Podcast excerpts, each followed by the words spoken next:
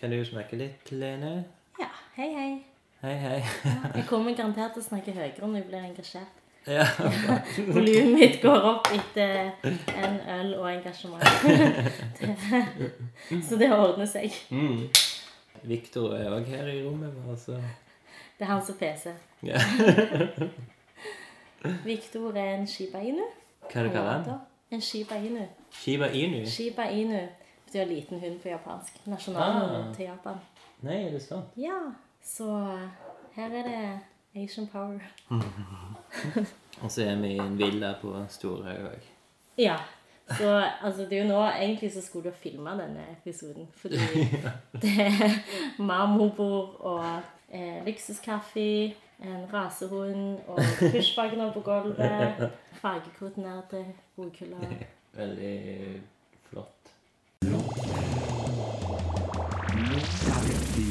Lunken kaffe.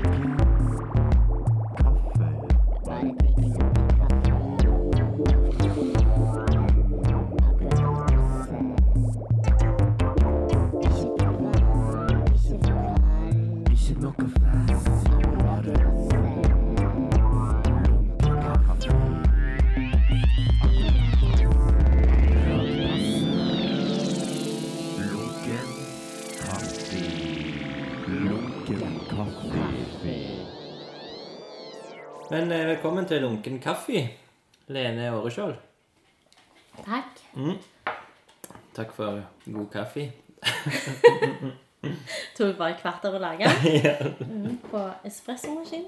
Hva er det du har eh, holdt på med i dag, hvis vi begynner der? For av en eller annen grunn så så jeg et sånn Instagram eh, Hva heter det? History feed? Hva heter det? Story. Heter det eh, st- eh, My Story. Story? Der du var på en båt. Ja, vi var på Sørlandet. Jeg har vært Ok. på Sørlandet i dag. Jaså? Eh, eller det så ut som Sørlandet. Det er Tananger. det, oh, ja. Og det er liksom Nei, men, falskt? eh, Eller Nei, nei, det fullriggeren. Jeg var på en fullrigger eh, som heter Sørlandet. Jeg trodde liker- det var filmsett det skulle være Sørlandet. Ja, nei, Den ligger eh, til havn i, eh, med Hummeren hotell i Tananger. Okay. Eh, jeg er fra Sunde, så jeg trodde Jeg har alltid liksom tenkt at Tananger er så skunt. Så kjørte jeg ut der i dag, og så er det det er faktisk Sørlandsperle. Det så ut som Sørlandet. Det er sånn hvite, fine, gamle trehus, og den havna var bare helt idyllisk. Ja. Bare de gamle seilskutene. For det er dagen før Tolv Ships Race. Ja. Det Som ryker i morgen. Ja, Mm. Men det er derfor så, må de, eh, så har de seilt inn til Tananger. Så der var det sånn mini Tall Ships Race-festival i dag. Og så seiler de inn til Stavanger sentrum i morgen. Hva gjør du der? Ja, nei, jeg satt og koste meg på dekket til Sørlandet, da. Nei, vi har lagt nytt teaterstykke. Nei, ikke stykke, monolog. Et bestillingsverk. Mm. Det er jo via Tau Scene, da. Ja. Skal det skje på en For det skjer på båten, og det handler Ah. om eh, et eh, skipsforlis, en historie som jeg tror er ganske ukjent, som møtte sånn russiske fartøy, og så forliste det Ingermannland. Eh, Så er det Bjørn Are Lersland som har skrevet teksten, Mm. og så er det Berit Årestad som regi, og Amund Harbo eh, som er skuespiller. Okay. Det var egentlig bare forespørsel fra 12 Ships Race om Tau ville være med og gjøre et eller annet, og målgruppen var eh, 16 til 26 år. Og så tenkte jeg at eh, vi kan gjøre noe, men da må jeg få lov til å få tilgang til denne skutene. Og så fikk vi det. Så tenkte jeg at det var folk som, fine folk som kunne gjøre noe sammen, og så funka det òg. Så det er gøy. Så de har premiere i morgen. Ok. Ja, dessverre så er det Så er ikke det noe for podkastlyttere. Hvis du ikke har fått med deg det, så dessverre er skuten seilt. Alt som går deg hus forbi. Dette er jo jobben min, da. Blant annet. Ja, men det høres jo kjekt ut. Det er kjempekjekt, men Sørlandet. Ja, så jeg har liksom bare sittet, og de andre har jo gjort jobben i dag. Jeg har som sagt bare sittet og hengt med det her mannskapet på Fullriggeren Sørlandet, og de var dritkule. De var, jeg, vi hadde ikke kommet om bord på den skuta før, for de har jo drevet og prøvd å seile dette. Og når vi hadde avtale om å komme om bord, så hele 12 Ships Race handler jo om å seile uten motorer. Så de Ja, kan jo være avhengig. Så har de ikke, de har ikke hatt Det rette værforhold. Nei, det var for mye vind en dag, så de kom ikke inn. Ok. Ja, så vi har ikke hatt noen sceneprøver, kan man si, da. Før Ah, eh, i Så i dag. var er eneste prøvedagen? Ja, så vi visste jo ikke hvor på, på båten vi skulle ha det, og jeg hadde jo ikke møtt mannskapet, men kapteinen var kjempekule, og så han Jeg vet ikke hva heter det når du er under kapteinen? Altså nest liksom, Eh, sånn eh, Første betjent ja. Jeg vet ikke hva det er. Masker Nei, ikke masker. Maskot. Matros. Nei, det er under Det der. høres litt lavere ut. Captain. ikke. Ja, noe sånt. Men eh, ja, de var, de var sykt kule. Og så når vi sto holdt på Det skulle egentlig være sånn åpent for publikum på båten. For det er jo det på en måte når de legger til så får folk gå innom og se. Og så var bare han ene på mannskapet òg sånn «Ah, Vi bare stenger av. Og så brukte han jo De kan jo sånn ordentlige skipsknuter, så det tok jo 100 år, da. Men eh, det ble veldig godt eh, stengt av. Veldig bra tauverk. Ja, ok. Ja. Så ja, de holder på å øve nå. Skal de øve hele natt?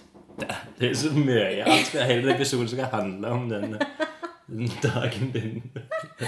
Om en helt vanlig arbeidsdag. Jeg skal svare på den meldingen samtidig. Mange. Fordi sånn er det her. Ja, Eh, men det skal være litt løst. Nå bare er det litt sånn logistikk her, her, siden jeg ikke er på den. Er det den båten som sender deg meldinger? Eh, nei, det er floristen, for det er jo premiere, så jeg må jo huske å ta med eh, sånn som lager jobber med blomster. Eh, Eller Ja, det beste er faktisk en gang eh, For det at jeg kjenner en crew som heter Florist, Florist Crew, som i Ah, gulvet, sånn, liksom. Og da, og da var det noen som tenkte sånn Å, det er sånn florist-crew. Sånn det er blomster-crew. Ja. Uansett, det er fint, det òg, da. Men Ja. jeg, ma- jeg må svare. Jeg klarer ikke å multitaske. Eh, mange mange takk. Tusen takk. Oi, du skulle si det. ja. Eh, to emojier. Så, Mm. der. Ok. Florist mottatt. Ja, nå fikk jeg Florist. Jeg jeg òg vil være florist. eh, Ja, jeg òg. Eh, jeg har veldig god kontakt med floristen òg, fordi at jeg faktisk har egentlig sånn drøm om å være det. Så jeg har sagt sagt ja. at, eh, at jeg kan komme og jobbe for henne hvis hun trenger meg. Nei, hvor er henne? Hvor holder du Det er seg? hun Stilken og Strøm i hermetikken. Å ja, Ja. det har jeg ikke. Mm. Det er kult navn, det òg. Stilken og Strøm. Florist. Ja, florist. Hva, men eh, din tittel, da? Hva er den er på, nå på Ja, tau, for eh, eksempel? Det har jeg aldri visst. Jeg vet at du er liksom i en stilling som er Ja, den liksom har endret seg viktig. litt òg, så det er ikke så Jeg vet ikke om det er så viktig. Det er ikke så viktig. Viktig Eh, eller det er som begge deler. Kanskje vi må snakke om det der, hvor viktig kunsten egentlig er. Jeg, noen, Ja. jeg tenker jo at den er ikke så viktig, og på andre måter så er den jo eh, viktigst av alt. Så det, det der har jeg et ganske komplisert forhold til. Mm. Nei, eh, scenekunstansvarlig Ja. er tittelen. Ja, det blir ikke så mye klokere av den tittelen. Men du er liksom ikke kunstansvarlig, men scenekunstansvarlig? Ja. Ja. Er det Ja. noen andre som er kunstansvarlig, da? Nei. Nei, det er så langt har vi ikke kommet. Har vi ikke økonomi til helt ennå. Det kommer vel noen på visuell kunst òg. Ja. Men senere, da er det, da er det både teater og dans og ja, altså Det er jo litt komplisert hva, scenekunsten er, fordi eh, som med alle sånne samtidige uttrykk, så driver de jo og redefinerer seg sjøl hele veien. Og mange kan vel kanskje fort tenke at det er sånn Ok, det er dans og teater og Men jeg tror den siste definisjonen jeg leste som jeg eh, likte, eh, var vel at det er nye samtidige performative uttrykk. Ja. Ja. Så det må være litt nytt. Det kan ikke være liksom Ibsen eh, Mm, oi, herregud. Det søte Lene. Må gå og skifte. Nå er det en liten pause. Eh, om det må være nytt? Nei, det, må- eh, det må ikke være nytt. Så det òg er jo er samtid. Jeg er litt usikker sjøl faktisk om sånn type klassisk teater. Eh, Det er jo scenekunst. Det òg selvfølgelig er det det. Eh, Men eh, folk bruker, bruker det uttrykket litt sånn hipp som happ. Og kommunen nå, på denne kulturplanen, da jeg hadde en sånn samtale med dem hvor de egentlig hadde definert scenekunst som det var alt, egentlig. liksom. Det fantes revy og okay. teater i sammen. Og så Hva med standup? Er det ja, sant. Det er jo en diskusjon. Eh, så folk vil være greit uenige med meg, men jeg mener at det ikke er det. Og så eh, Takk. Jeg gidder ikke å snakke mer om det.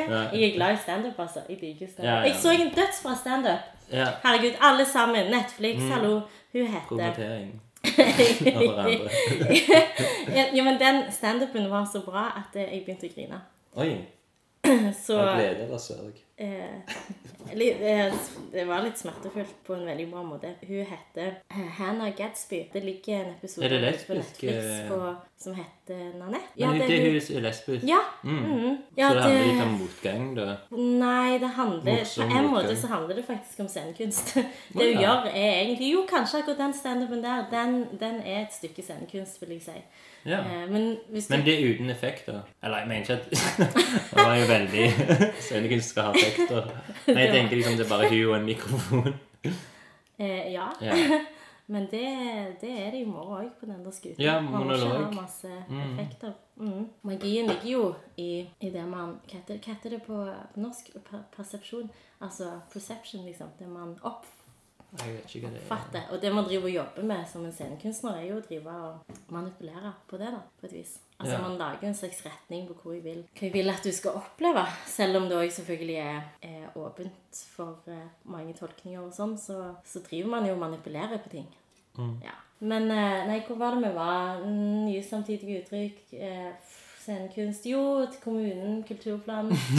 og så eh, Jeg er ikke så veldig strukturert, det som du hører. Og så, så da, eh, da tror jeg jeg foreslo at jeg skulle hente teater, dans og andre sceniske uttrykk. Ja. For det, det er masse sceniske uttrykk. Jeg vil jo si at standup er et scenisk uttrykk. Det vil jeg si at revy òg er. Men jeg vil ikke si at det er scenekunst. Ja, ja, ja. ja. Ja. Scenekunst det er, befinner seg nødvendigvis ikke på scenen. Nei, båten er vel scenen i morgen. I den. Ja, men jeg tror det scenebegrepet handler vel mest om at man driver iscenesetter noe. Ok, ja. Altså dette her òg er jo en slags iscenesettelse. ja. Eller et scenario. Jeg vil jo si at den her rekorderen er, er, er driver jo på en måte setter en slags retning på noe. Ja, Så, ja. jo, Det er jo, Så det er jo en slags iscenesettelse, det her òg. Så dette kan også podkast kan dere se. En performance, iallfall. Det tror jeg det kvalifiserer til. Mm. Jo, det kan jo det. Men jo, det er podcaster som er scenekunst. Ja. Ja, men performance, det er ikke scenekunst. Nei, dette er kjempeinteressant. Eh, For det at eh, Nei, det er jo ikke det. Nei. Det kan være det. Det Det, kan være det samme. Ja, eller fordi det, det er sånn begrepsavklaring her. sant? Og det mm. performance-uttrykket, eh, eller det hele performance-sjangeren, den springer jo ut ifra det visuelle feltet. Og har jo ganske lange røtter for det. Men, men Og det er jo sånn språk, eh, språklighet òg i det, for at, at noe er performativt, betyr jo ikke at det er en performance. ja, eh, så performance art, liksom, det er jo ikke det samme som performing art. Ja, det er Mm, top, det, men det er sånn språk, språkissues bare. Så når man har oversatt det til norsk, så Ja, det funker ikke helt. Eh, For vi driver jo ikke og sier performativ. ja, eller hva er det vi sier? Nei, altså folk sier så mye forskjellig. Ja, folk sier greit mye forskjellig. Ja. Men det er jo akkurat som at folk heller ikke på en måte klarer alltid å skille mellom altså, hva er en aksjon, og hva er en happening, og hva er Altså alle de, de, de, Er- er overlappes jo ofte òg. Og på en måte så tenker jeg at det spiller ikke så mye rolle, for det viktige er jo eh, hva slags kunst det blir, ikke Ja. ja. Samtidig så er det jo viktig å vite hvor ting kommer fra, og at man har en slags sånn felles referanse for hva en performance er. da. Så kan man jo godt drive og debattere eller utfordre det innenfor det. ja, men det er jo sånn, Men, du vet jo Det ligger under sjangeren Altså en subsjanger fra kunst. Så er jo allerede kunst en subsjanger fra Eller det er jo ingen vet jo hva det er heller. Så det er liksom Hvis det, hvis det er en Nei, subsjanger så er det er så, det er jo så styr for dette, det der. Eller jeg driver og sier liksom alltid det visuelle feltet, men det er jo litt Mm. trøblete, det òg. Men det er jo for, for dette, det, jeg syns jo det er stress at billedkunstnere liksom, de eier kunstbegrepet, på en måte. Eh, og som er stress Mm. De for som dette maler, de eier scenekunstnere. Ja, de gjør litt det. Og de som eh, Ja, ja eller ikke maler, men lager liksom Ja, men allikevel så det, det er jo de som maler som får mest sånn Det første noen spør hvis du driver, sier du driver med kunst. Ja, de, ja, ja. Det, og de ja, har jo en helt annen status som kunstnere. Ja. Mens en, en danser, de fleste er bare sånn 'Å, så kjekt. Og armer og bein.' Og kanskje du bare danser litt i bursdagen min, liksom. Og så er det sånn Bevegelse. Ja. ja. 'Å, du er heldig som får lov til å bevege deg så mye.' Så, sånn. så, så jeg vil jo absolutt si at f.eks. en samtidsdanser, som er min bakgrunn, da, så er jo, de er jo eh, hele mennesker. De tenker, og de, og de sanser, og de erfarer, og de skaper altså, Så nå på en måte det var sånn trend eh, så Det kommer jo alltid sånn trender og går i den kunsten. Og når det var sånn trend også, eh, Jeg tror det var sånn tegnetrend, faktisk. Kanskje yeah. var for meg det, Når de skulle drive liksom diskutere hele veien det erfaringsbaserte, da. Så tenkte jeg sånn Men det er jo hele diskusjonen til samtidsdansen som har vært i 25 år, er jo bare liksom fenomenologi. Maurice Malé-Ponty det er liksom vår gud, på en måte. Hva det betyr, sa du? Maurice Malé-Ponty eh, han har skrevet en del om fenomenologi. Og Ja. det er på en måte det, er liksom bibelen til samtidsdansere. Kan du si litt om hva det er? Det er mye googling på denne episoden. Nei, det er jo en retning. Ja. Filosofi. Ja. Eh, Kan du si det med ett, to ord? Eh, ja, er- erfaringsbasert. Ja, Ja, kanskje. ja, ok, ja. Eller, ja. Mm. Mm, ja, men bra. Kanskje. Vet ikke om det var Det er sikkert ikke riktig hvis du googler det, men Da har vi iallfall en uh, forståelse. Nei, men uh, språket er sykt forskjellig i de forskjellige kunstgrenene òg. Jeg var på en sånn uh, filosofiforelesningsrekke om dualisme. Og da var det liksom ille forhold hvordan man snakker om dualisme fra scenekunstsiden, da, eller fra liksom det her live-format-siden, eller hva man skal si. Så, eh, så det er helt annerledes enn hvis jeg hører en billedkunstner snakke om dualisme. Ja. Ja, eh, og det finnes jo eh, Og, og der også er det sånn hvis du googler dualisme, så tror jeg det kommer opp sånn der 15 forskjellige sånne Er det den dualismen du er til, eller denne, eller denne, ja, eller denne? sånn, ja. Samtidig så har det jo Hvis du dykker ned i det, så henger det jo sammen òg. Men jeg føler at folk bruker ofte mye sånne begreper bare i hytt og pine. Mm. Eh, og det syns jeg er litt stress. jeg er ganske lite språklig, det merker du kanskje. Derfor jeg ikke klarer å altså, snakke så godt. jeg får mye kritikk for det, sa du. Ja. Ja, jeg har fått mye kritikk for at eh, jeg ikke kan artikulere meg så godt. Ok, Nei, men Det Så jeg har litt, Det er sikkert derfor jeg har dodga denne podkasten så lenge. Så Jeg har litt panikk for det. Jeg er mye bedre i live-formatet. sant? Jeg søler, jeg smiler. Det er greit. Så jeg kommer ikke unna med å være litt sjarmerende. Men sånn å høre bare stemmen min, det, det er bare vas. Liksom. Og så er han litt nasal i tillegg. Det Der jeg òg fått kritikk. For det. Det er ikke din feil. Hva skal du gjøre Jo, da? det er derfor jeg har fått beskjed om at hvis jeg skal snakke offentlig, så må jeg heve og Å, gjøre stemmen litt sånn shit. For jeg har en ganske nasal stemmeklang når jeg bare snakker naturlig. Mm, og så spiser jeg ordene litt. Um, puster dårlig. sånn er det å ha jobb med, med kroppen sin. Du har fått høre Ja, mye. sånn, ja. Ikke tenk på det, liksom. Jo, men jeg, jeg blir kjempenervøs av å snakke uten at folk ser meg. For at jeg tror jeg driver og gjør veldig mye Du vet, Man gjør jo mye ut av liksom vesenet sitt. Eller man spiller på det man har, da. Så, Ja. så Det er jo det der med at 80% av kommunikasjonen er liksom Ja, det er sikkert det. Visuell Nei? Kroppen.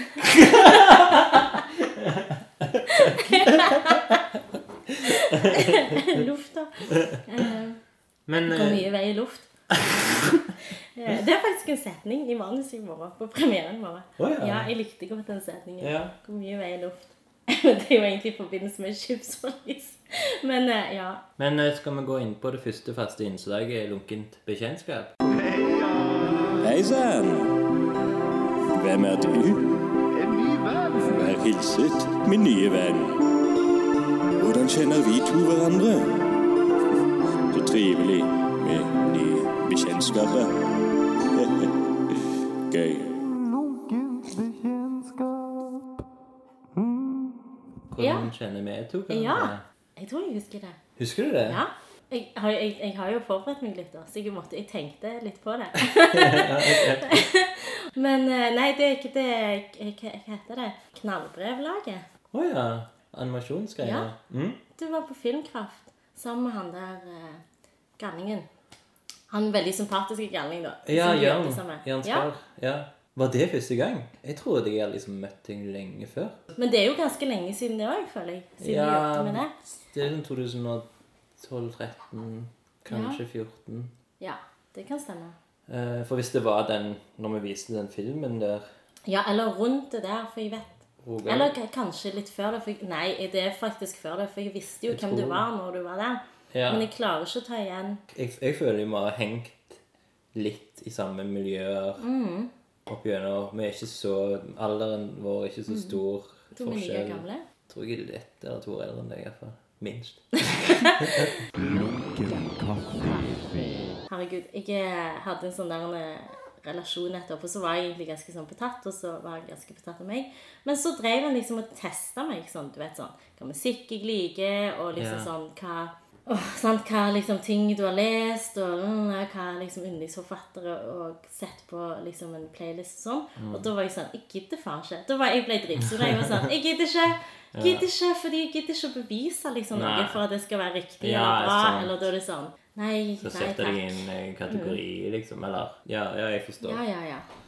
Ja, men det er jo det er sånn som du, du slutter liksom å ha de der eh, eh, guilty pleasures-musikken når du blir så sånn. Ja, da får du det er jo bare pleasures. ja, det, mm. liksom, jeg må prøve å sjekke ut liksom, hva den andre liksom, hva smak den andre har, og det skal liksom være liksom sånn der approval. Yeah. Um, og det gidder jeg ikke fordi at folk har så mye mer å by på. Men kanskje mest av alt fordi at jeg tenker at det, det er så overfladisk. Og det som bryr meg om, og som er her kommer inn det her denne problematikken min i forhold til å, å jobbe med kunst eller ikke òg, er jo at det, hele mitt prosjekt er jo egentlig sånn empatisk prosjekt. Og det er heller ikke det samme som eh, kjærlighet. Nei. Så jeg driver og baler med det, da. Eh, Fordi at eh, jeg tror at kjærlighetsprosjekter, det kan, det kan være litt sånn egoprosjekter òg. Ja. Ganske ofte. Men så jobbe liksom med empati, da. Da må man sette liksom det egoet litt til side. Og det tror jeg at eh, hele verden skulle gjort litt mer av. Da begynner jeg òg å tenke i forhold til å jobbe med kunst, som fort blir en sånn Fordi man jobber jo så ut ifra et sånn personlig uttrykk, da. Og så er det så hardt med kunstner, sant? og det er sårbart, og folk eh, må drive og liksom ha en slags sånn spisse albuer i den verden òg, eh, og det misliker jeg så masse. Og igjen at det og når folk er sånn, sånn som du også sier sånn, å, du har en slags sånn viktig tittel, sånn, det er bare piss, liksom. Det er, ikke, det er ikke sånn jeg vil at hierarkiene skal fungere. Det er ikke sånn jeg vil at premissene for kunst skal være. Som gjør at jeg egentlig tenker hele veien sånn, det her gidder jeg ikke jobbe med, fordi jeg vil ikke jobbe med noe som fungerer okay, på den måten. Men så tror jeg jo masse på det som fins i kunsten. eh, og de opplevelsene det kan gi. Og de koblingene det skaper hos menneskene, som er på en måte Det er subtilt. Det er ikke igjen velartikulert nødvendigvis. Det handler om, om andre typer målbarheter. sant? Når man begynner å jobbe med det, da, sånn, hva skjer liksom i møte med et sterkt verk? Og man blir rørt av det. Det er kanskje, det er kanskje et slags sånn, mer sånn empatisk prosjekt. Men jeg har jo en bakgrunn fra eh, sånn terapeutiske ting. Oh, ja. Massasjen og, og yogaen og, sånn. Og det er ting som jeg alltid har vært sånn Og jeg kanskje egentlig skulle vært en helsearbeider og ikke en kunstarbeider. Fordi at eh, det er så konkret måte å oppleve at man faktisk gjør en forskjell for noen andre for. Eh, som er mye vanskeligere å, å se kunsten, fordi det blir lett at man blir liksom opphengt i sånn statusting. Og den lille japaneren min holder på å klikke på deg. Han, han er òg ganske opptatt av hierarki. Det er jo det hunder er. Hunder må finne ut av det. Ikke bit Vicky. Eller han, vet ikke hva han gjør med Nei, han skal kose, han skal ha Han slikker litt, og så tar han liksom litt sjekke. Ja, men egentlig er han ganske trøtt nå, så det er sånn siste krampetrekning. Ja. Man spurte litt av på grunn av men ja. Egentlig har vi Men ja. spurt skammer, for egentlig så skulle vi finne ut hvor vi har møttes første gang. Ja, herlighet. Lunken Og Men for det, det, jeg vet ikke, for det vi har kjent hverandre egentlig kjempelenge, men jeg husker ikke jeg kjenner, dere, jeg kjenner deg jo ikke sånn type fra kunstskolen, selv om jeg vet at du gikk med Gunhild og Fredrik og sånn, så vet jeg, jeg kjenner deg jo ikke for det. Kjenner deg jo bare rundt omkring. Ja. Eh, og så er det, har, har jeg jo visst hvem du var før, før jeg visste at du var vennen til Kjetil òg. Men har du liksom vært i hiphop-miljøet? Har du Ja, vært der, det er kanskje? det, Det, vet du. Det er det. det er det jeg Det føler er det liksom. det, er det jeg òg føler det. For jeg har jo alltid visst at du òg hører til til det. Ja. Gammelt av. Mm. Ja, at du er en gammel writer. Og jeg har jo alltid visst det. Ja. Det er det. Det er har der det er fra. på sånne, sånne happenings Vi har vært på vi har vært på Scandinavia sammen, sikkert. Nei, husker du det? På SAS. Ja, det, det var jeg på. Nei, men det er jo sikkert det miljøet der. Mm. For du har vært en breakdanser, eller? Ja, det var første feil. Det het det egentlig heter breakdancing. Det er det? Nei. Ok. Uh, breaking. Eller bigirling, da, i mitt tilfelle. Ja. Uh, ja, men det var jo eh, etter jeg dro fra Stavanger. Men jeg var jo en jeg var, Vi hørte jo til det hiphop-miljøet. Mm. Men var det på, disse, på møller og sånne ting på den tida? I Sandnes? Det var Ja, det var jeg òg innom. Buddy rock eh, og det greiene? Ja. Ja. Mm. Ja, det er Bergens uh... Nei, de kalte det bare det. Å ja, de! Ja, stemmer. Der det var litt De DJ-ing Ja, ja, ja, Og litt uh, sånn Ja. Fresh in the flesh fra ja. Kristiansand. Og med Kristiansand, de hadde mye fett, da. De hadde jo det der, ikke det, Dark Side. Ja, og- of the Force. Plutselig, Han var på Øst her en dag, han ene, en gitaristen fra Darkside. Mm. Så ble jeg litt sånn halvstarstruck, og så tenkte jeg det er ingen som husker Jeg tror ikke han sjøl husker at han spilte det engang. Og så bare, idet jeg skulle til å si sånn Yo, og så var jeg sånn Nei. Så, mm. Ja, for det var vel det som skjedde, at det var mange Kristiansand-folk som kom til Stavanger og lagde hiphop-shows med liksom lokale taggere som Ja, og så hadde de vel eh, De har det vel ennå. De hadde jo en del sånn jam og sånn på Sørlandet. Ja, Ja. ja, ja. ja. De her sundekompisene mine sitter jo ennå og hører på National Rap Show på fredagene. De sitter der, de har surfegjengen. Så de eh, sitter og venter på bølgene og hører på National Rap Show ennå. Vi gjorde det, faktisk. Mm. Vi satt i stuene og kjellerstuene på Sunde og hørte på National Rap Show. Så det er der det kommer fra. Mm. Var du, kjente du vann godt? Nei, nei, nei. Ikke i det hele tatt. Nei. Eh, nei. Det Men det var jo- kommer på seg fra Sunde. Og, Det var jo skurke og ja, selvfølgelig. Ja, Martin. bevis. eh, bevis ja. Ja, og broren til Martin. Ja. Skurkesprett. Ja, ja, ja, Robin. Men jeg var ikke med de heller. Jeg, sant? jeg skulle igjen alltid tøffe meg. Så jeg var sånn, nei, vi hørte bare på sånne ting som kom fra Rhymes. Jeg jeg husker kompisen min, han satt i kjeller, kjelleren, og ingen, altså, ingen kunne liksom noe om, om DJ-ing. Og så sto han der ene rett han, kalte seg for Biggie. Hadde turntables, bestilte Rhymes-T-skjorter fra nettet. og... Mm, ja, ja, men jeg skulle jo være real, da. Ja, ja. Det var østkyst. Så. Så da hørte jeg vel på rap, men så er det egentlig ikke Jeg har kanskje et hjerte for det, men egentlig så følte jeg jo at det var når jeg fant breakerne, at jeg kjente sånn Dette er jo, dette er jo miljøet mitt. Mm. Ja. Mm. Ja, kult. Men det er jo bare en slags livsstil, mest av alt. Det er jo, Ja. altså, det finnes jo, Folk kan jo gå på kurs og sånn, men eh, det er jo ikke der, det er jo ikke der liksom, man lærer breaking. Du må bare finne ut av det sjøl, og så lærer du av hverandre. Du henger sammen, du spiser Ja. sammen. Ja, vi lager sykt mye mat. Spiser sykt mye. Hører på masse musikk. Ja. Eller er de folka jeg klikker med. Mm. Og som ennå er liksom noen av bestevennene mine. Ja, ok. Ja, kult. Så når du sier du har du vært vekke mye Nei, jeg har jo ikke det heller. siden du sa når jeg kom tilbake til Stavanger Nei, jeg var bare vekke bitte litt. Jeg studerte samtidsdans. Mm. Og det holdt jeg på å dø, for det syns jeg var like stress som jeg syns det å jobbe med scenekunst i dag. Det er, jeg har et veldig sånn komplisert forhold til kunst. Hvor var det du studerte det? På skolen for samtidsdans, eller i dag heter det Høgskolen for koreografisk tenking, Oi. ja, Og det ligger eh, i Oslo. Ok. Ja, så jeg gikk på det, og så for å redde sanityen min, så fant jeg heldigvis de brekerne. Så hver dag etter jeg var ferdig på skolen for samtidsdans, så gikk jeg og breika. Som egentlig er ganske passende for hele eh, breaking-uttrykket kommer jo òg av det at Eller det er sånn Man kan kanskje si at det kom fordi at det, man liksom gikk ned på breaket i, i musikken. Mm, ja, ja. Men det kommer òg på en måte at du bare flipper, liksom. Du bare break. Altså ja. breika. ja altså, men du bodde litt i Oslo? Og, og Da, ja, så da tok jeg jo en bachelor i, i det, og så hadde jeg breakmiljøet som min go-to-plass for å liksom eh, Når jeg var helt sånn trøtt i hodet av den der hvite studioet, og du skal stå der og være kreative og lage konseptuelle samtidsdans. Mm. Så ja, kom jeg på en svett eh, trenings- og gymsal og trylte i meg en dobbel caffè latte, og så breika vi. Ja.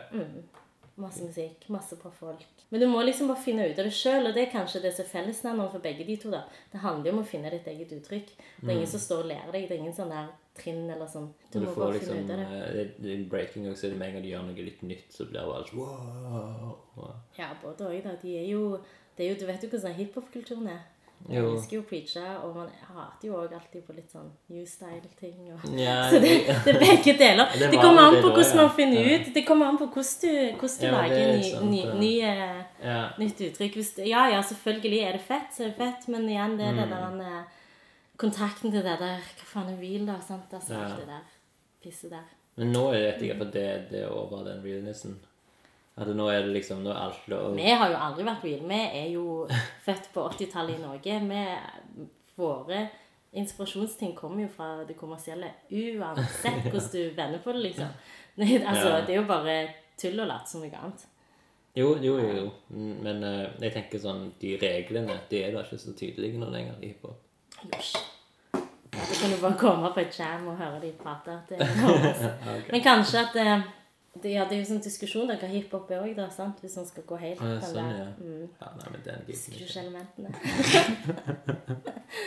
Knowledge Nei. oh, nei, jeg har et sånn komisk forhold til det òg. Men eh, jeg elsker breakere. De er Det er liksom folket mitt, på en måte. Men du kom tilbake til Oslo Nei, til Stavanger, mener jeg. Mhm. Hva tid var dette, cirka? Jeg kom jo tilbake i det berømte 2008. Ja, ok. Ja, eh, ja det var kjempefint. Kom til kultur... eh, Ja, det var året. derfor jeg kom hjem. Jeg skulle egentlig ikke komme hjem. Mm. Eller egentlig var hele motivasjonen min med å gå skolen med samtidsdans var at jeg hadde tenkt å, å lage en slags danseskole for samtidskunst. Eller samtidsdans, Ja, i hvert fall. Eller sånn kroppslige Bodywork, da. Ja, som Ja. jeg egentlig jobber med. Det er vel egentlig det jeg vil si. At jeg- Bodywork. Det er det samme massasjen. Bodyrock, rock, body eh, pop. Jeg Ja. vet ikke. Det er, det er sånn crewnavn. Alt det der. Tenk på 90-tallet så hette alle crewene sånn. det. ja. Mm. Nei, men bodywork, da. hadde jo ikke lyst til å gå ferdig på den skolen, men så var egentlig det motivasjonen min at jeg skulle tilbake til Stavanger. at jeg ville... Og da fantes det ikke så mye dansestudier og noen ting. Så det var egentlig visjonen min. Mm. Men så dro jeg jo tilbake, og så fikk jeg min første jobb. Jeg var kjempeheldig, så det er egentlig derfor jeg holdt ut så lenge. For alt gikk liksom til helvete med karrieren min etter hvert. Men de første årene gikk det dritbra, liksom. Jeg fikk okay. stipender, og jeg Ja. var i New York, og jeg var i Berlin, og jeg, var, og jeg fikk mitt første oppdrag. Altså, jeg gikk jo ut fra skolen i juni, og så ble jeg henta tilbake av Rogaland Teater. Jobbet der i juli, altså, ja, og så videre. Og så, Som altså, det bare gikk sånn slag i slag. Nei, da var det som danser. Men uh, Mm. Og da solgte de meg inn som, som var en sånn en av Norges tre bigirler, for vi var jo ikke så mange igjen. Så de, så han der teatersjefen drev jo liksom forventa noe sånn breaking, og så endte jeg opp med å stå i bare undertøyet mitt plantgravet ned eh, ute på Lundsneset og spille prostituert. Så det Åh, det var helt jævlig. Det var min far som var sånn Nå har datteren min blitt sånn utdannet danser, og så skal hun komme og se på. Nei, Jeg syns ikke det var så kjekt. Han gikk ned og så på de av Dybvik-dans, de har fine danserne i sånne store, fine kjoler og prosesser prinsesseår, og så kom han til meg etterpå og så han sånn Jeg syns det var veldig flott, det der nede med sjøen. ja, Men iallfall um, Det gikk slag i slag, så jeg var veldig heldig med det. Mm. Hva er det vi skal si? Vi har ennå ikke funnet ut hva som skjedde. Nei, nei, men jeg tror det er det jeg skal liksom Men Vi ja. skal prøve å finne ut nå gjennom din, din historie og hvor jeg kommer inn i det. Ja, ja, men det var, ja, så det var jo 2008, selvfølgelig. ja. Mm. Det var disse øyne, Jon Fosse. Kjempefint. Nå er det jo 2018, det er ti år siden. Og så i forhold til jubileet også, så var det helt tilfeldig. Så var jeg i, i Lofoten i nå nylig, og så var det en forestilling som heter 'Vi er eh, disse. Og så av en som heter Erik Fauske. Mm. som jeg ble veldig fan av når jeg så det, for da jeg sendte han meg av gårde på en sånn der buss ut på sånne der nordnorske øyer. Så tenkte jeg dette er jo så godt som liksom, den nordnorske versjonen av Hundvåg og Lundsnes og 2008. Og så var det, så måtte jeg spørre han etterpå jeg bare sånn, er det en slags referanse til Jon Fosse og 2008-greiene i Stavanger. Og han bare, ja, det er egentlig det. Okay. Så det var kjempemorsomt. Og, det Ja, var, bra. og han spilte sånn der russemusikk eh, i sånn turistbuss. Skipte oss av gårde ut i det landskapet, satte oss av på en sånn der øy der, og så, og så var det kjempefint landskapsteater. Ok. Mm. Eh, var Jeg har sendt det inn til komiteen 2008. Og hvis det jeg gjorde. Jeg bare, hallo, Hvis jeg først skal markere dette 2008-greiene, så kan dere ta inn dette. Aller mest så Jeg skal ikke markere det annet. Jeg skal gravlegge 2008 i år. Hvordan det? Jeg skal lage et Facebook-event, og så skal vi gravlegge. Jeg har ikke funnet hvordan, men vi må jo grave det ned, liksom. Ja, nå må bare begrave det 2008-greiene. Ferdig snakket. Lunken kaffe. Men ok, da skal vi prøve å gå litt inn på der eh, eh, lunkent bekjentskap. Ja. Lunkent bekjentskap. Eh, når jeg liksom husker deg best, var liksom For da jobbet du på Tau. ja. Jeg Ja. har jo jobbet der siden 2005, faktisk. Har du det? Ja? Ja. Ok. Jaha. Jeg ble ansatt eh, De hadde annonse i avisa helt på begynnelsen av 2000-tallet. Søkte til folk som ville jobbe på Tau. De hadde nesten ikke åpnet engang. Ja. Og så søkte jeg, og så fikk jeg jobb. Og da var jeg så vidt fylt 18. Jeg kunne jo faen ikke åpne en flaske vin med sånne fancy vinørter engang. Og det ble flaut. Og de som jobbet i bar med meg, alle kom fra Pepper. Og var sånn kjempeproffe bartendere. Og de syntes jeg var søt og grellig talentløse og grellig uerfaren. Så jeg husker jeg var sånn en liten maskot for dem. Ja. Og de var så kule, og alle røykte og røykte all slags. Og sto inne og prøvde å åpne opp denne jævla vinen. Så, så det var da. Og så dro jeg av gårde på folkehøyskole først. Har du vært der òg, Og ja? så jeg har vært der òg. Det var et mørkt kapittel. Det er ikke noe for meg. altså. Nei. Men jeg, jo, jeg liker ikke å gå på skole. Dette er ganske godt, for jeg, jeg hater jo skole. Jeg er kjempedårlig på det. Jeg har jo da ikke studiekompetanse heller. Det kommer jo bit meg i ræva nå. Jeg Hvorfor det? trodde, fordi at eh, nå har jeg jo liksom lyst til å Du vil studere videre? Ja, men så har jeg jo aldri kommet inn. Men nå kom jeg ikke inn. Jeg fikk sånn der en melding fra SO Samordna opptak nå for noen dager siden. Det bare sto 'ikke godkjent'. Så det er ganske drit. Ja. Jeg ble testa for masse greier gjennom hele barndommen min. Som er også veldig teit, for jeg tror de aller fleste, og folk jeg møter òg, er jeg jo på en måte kjent fra gammelt og sånn. Alle er sånn 'Å, Lene, du er så smart, og du er så flink'. Så sånn, ja, faen, jeg er jo det. Og jeg er sånn så jævla viktig jente òg. Og så bare har jeg aldri fått til skole. Så det er veldig merkelig, fordi at jeg har gjort så godt jeg kan. Jeg har ikke vært en sånn der eh, åndas person. Jeg eh, prøver å tenke meg om, prøver å kjenne litt på ting. Men eh, det passer ikke inn i det her skolesystemet i det hele tatt. liksom. Nei. Som sikkert òg er derfor jeg har gått til sånn kroppsarbeid som er noe annet. Så jeg eh, droppa ut til og med folkeskole. Og det er sånn, det, det skjer jo ikke. Det er jo sånn koseting. Det er jo boller og kumbaya. Ja, ja, ja. Men det er jo akkurat det. Jeg klarer ikke kumbaya. Jeg klarer ikke Dette er problemet mitt, for jeg har ikke humor. Jeg klarer ikke ting som er kos og piss, sånn, liksom. ja. Som er litt derfor jeg var sånn Denne podkasten, da må jeg fylle det med noe. Fordi det er så mye piss hele veien. Det er ikke sånn, Jeg trenger ikke bidra til mer intetsigende greier.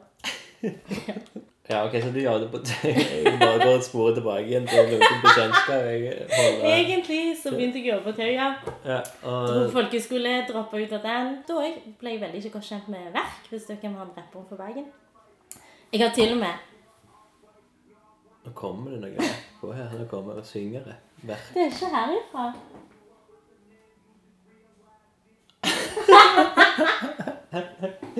Hvor kom musikken fra?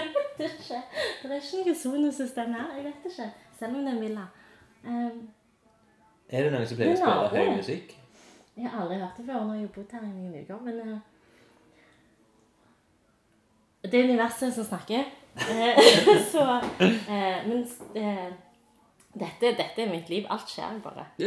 Men det er helt sant. Jeg har, jeg har mye du, Jeg er sånn lykketroll. da. Jeg har jævlig mye flaks i livet mitt. Ah, ja, ja. Ja. Det virker som Ja, du sa at alt har Ja. Jeg har, Det var sånn er som du forteller det. Det ordner seg liksom alltid. Samtidig så er det ikke helt sant at jeg bare har flaks, for jeg føler jo at jeg jobber masse hele veien, og hvis det er en ting jeg alltid er, så er det alltid Jeg er så sliten konstant. mm. Men jeg er sta. Da prøver jeg jo ikke å sove så mye, fordi det er så mye å ta tak i. Men det lønner seg ikke da jeg har gått på en kjempesmell en gang. Og Den varte i to år, så det er ikke Ja, ok. Det er ikke- Det er litt ufleks, har du. Nei, jeg vil ikke si det. Ja, eller samordne opptak i ufleks, kanskje. Men det går helt bra, fordi det er jo ikke Jeg tror jo ikke på at det er akademia som det er i dag, er den eneste måten å, å, å ha en slags sånn verdi på, da. Ja. Og liksom hva, hva er liksom intellektualitet, og ja, det finnes smarte kropper og smarte vesener. og Ja, det, er liksom, det funker på en annen måte. Og vi driver og er tredimensjonale og levende, og så driver vi òg allikevel og bare holder det inne at vi er, men er sånn frontale. Så sånn vi sitter så skamfrontale, og eh, jeg syns jo det er stress å sitte på stol. Det er jo nummer én. jeg syns det er helt Jeg får liksom vondt i kroppen min. Jeg vil jo helst bare drive og olle litt her på gulvet. Det er Patti Smith hun er jo sånn helt inne for meg. Hun sier jo det. At okay. det, det eneste som er sikkert, er endring. The only thing you can count on Mm. is change. Eller eh, Virginia Woolf, som òg er en heltinne for meg, som òg sier at eh, altså det eneste du kan vite om framtiden, er jo at det er mørkt. Og ikke så mørkt som at det nødvendigvis er sånn depresjonsmørkt, for det er ofte så tenker man at lys er på en måte bra, Mm, mm. er liksom dårlig. Men mer at det er, sånn, det er noe ukjent. Det er ukjent farvann. Sånn. Mm. Og så må du bare drive og navigere så godt du kan, da. Ok, Hvis vi går tilbake til lunkent bekjentskap Gøy.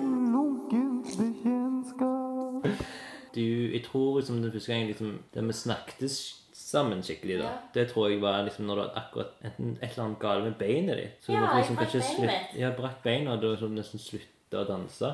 Ja, altså det var litt stress å danse når du har brukket bein. Ja.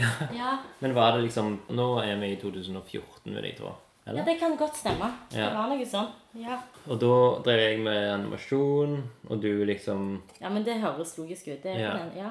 Og da hadde det virket som at nå måtte du liksom avslutte dansen, karrieren din. Mm. Men etter der igjen så kom jo den der eh, på eget eh, ans... Ja, og før på eget ansvar så gjorde jeg solarisk korrigert, og da hadde jeg allerede grodd det beinet, ja. Um, Ja, ok, så det, du, ja, så jeg har gjort du det grodde- etterpå, altså. Men jeg tror uh, Men var det en tanke du hadde når du brakk beinet? Nei. Den dagen du hvor var du når drakk brakk beinet? Jeg tror bare Jeg hater at jeg ikke har kontroll på den der kroppen. Ja, det var jo noe drit å brekke beinet liksom, når du er vant med å være superfysiske. Ja. Men samtidig så var det Eller det er ikke så stress når du går rundt på krykker og ting er brukket, for da alle ser at du har brukket noe, og det er greit. Det som er stress, er jo når du er så bra at eksempel nå jeg egentlig bruker noe i hånda mi. Det er jo ingen som kan se det. sant? Jeg bare Ja, okay. er litt sånn mer handikappa. Jeg må drive og ta hensyn sjøl. Og det går jo òg på sånn egogreie. Kan ikke bare stå på hendene fordi de har dritvondt i hånda mi. Da så er det sånn Å, jeg står og skjelver bare jeg skal gjøre et eller annet fordi den foten min er ikke helt leka. Sånne ting. Så Men var det gjennom dans? ja, jeg skulle trikse på en vegg. Jeg sprang på en vegg, oh, ja. og så brakk jeg beinet. Og så da jeg skulle, var jeg så tøff at jeg ikke, jeg ikke innså at jeg brakk beinet. Så jeg bare var sånn Det går bra. Jeg var, det var på audition. Og så var jeg så heldig at jeg, Ja, for igjen, jeg har vært så mye heldig, så jeg var liksom direkte invitert inn til en sånn der en eh, andre Jeg vet ikke hva det er. sånne, det er sånne der runder da, på auditioner. Og så hadde koreografen ønsket at jeg kom direkte inn på en sånn der eh, underveis. Så jeg følte meg kjempeprivilegerte. Skulle jeg sikkert brife litt, at jeg kunne liksom trikse litt. Og så viste det seg at bak det var sånn teppe på veggen, så var det sånne mellomrom. Det var sånn treverk. Så jeg kjørte foten min innimellom det, og så har jeg jo drevet og brukket denne leggen på veien. Men så bodde jeg hos ei venninne, og så skulle hun ha fest den kvelden, så bare lå jeg i sofaen hele festen og var sånn Det går bra, jeg bare ligger med beinet mitt. Og så dagen etterpå så burde jeg jo tatt hintet, fordi hun bor på Løkka. Det her var nede på Dansens Hus, som ligger på Løkka. Og så var jeg sånn Jeg må ta taxi. jeg skal ned på sånn seks timers audition, jeg tar taxi ned. Og så tok jeg taxi ned, som var tre minutter med taxi, heiv i meg inn i Paracet, og så var jeg med i seks timers audition. Og bare sånn Det går fint. Jeg bare Oh, ja, okay, og så tok jeg toget hjem til Stavanger, og så skulle jeg rett på jobb på teatret, for da jobber jeg barne- og ungdomsteatret. Okay. Da var jeg så kvalmen. Og så ringte faren min og var sånn 'Tror du at du kan komme og hente meg?' Så han sa nei, det kan jeg ikke. Og så karra jeg meg opp til teateret. Og da når jeg satte meg ned der, så var jeg bare sånn Jeg skjønner ikke hvordan jeg skal komme hjem til Storhaug. Og da tror jeg noen var sånn Nei, jeg tror kanskje du skal gå til legen. Så, men det tok liksom fire dager før jeg kom meg til legen, og da var det sånn røntgen Og du har brukket legebeinet ditt. Så du hørte ikke sånn knekk eller? Du skrek ikke? Det var bare ok, når jeg merket det noe Nei, nei. som, Det, eh, jeg kan jo være så tøff her, så jeg Ja, tar ikke skriking. ja, men det er jo to eh, bein i leggen, så det var jo bare ett av de som knukker. Det er Mm. jo derfor det har gått fint, liksom. Akkurat som med hånda mi òg nå, så er det jo et eller annet som minibein som knukker, men hele Ja. hånda mi kan jo Du har ikke det. bandasje? Nei, du kan ikke gjøre det på f.eks. hånd eller legg og sånn, for det, det, har jo ingen funksjon å støtte opp, for dette andre beinet støtter jo opp. Mm. Mm. Fibula brakk jeg. Siden jeg er sånn anatominerd. Det er tibia og fibia. Fibia er dette lange, tynne beinet inni leggen. Ah, okay. Eh, Tibia dette store som du kjenner her foran. Jeg hadde jo faen så mye energi før. Jeg gjorde jo alt hele Mm. veien.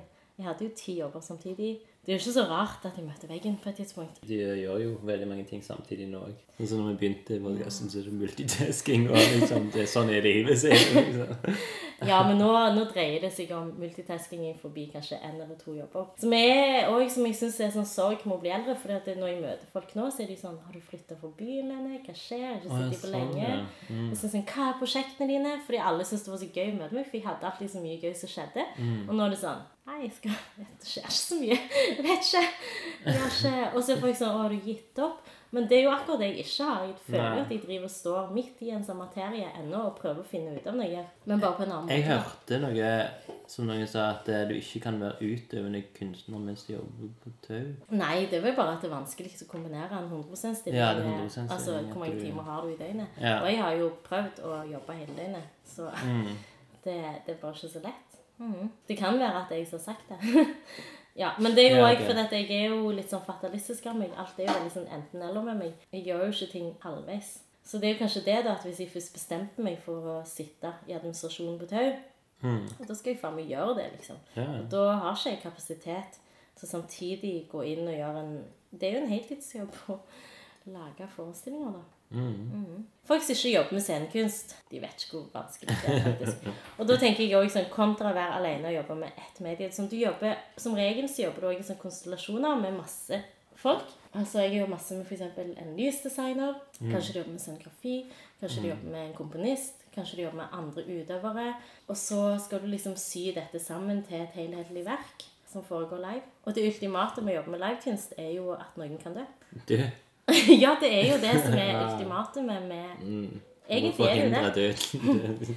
Nei, men hvis man tenker liksom, hva, hva er det som er en slags sånn nerve i liveformatet? Det er jo det, er jo, det ultimate er jo Ja. at du kan dø. Mm. Mhm.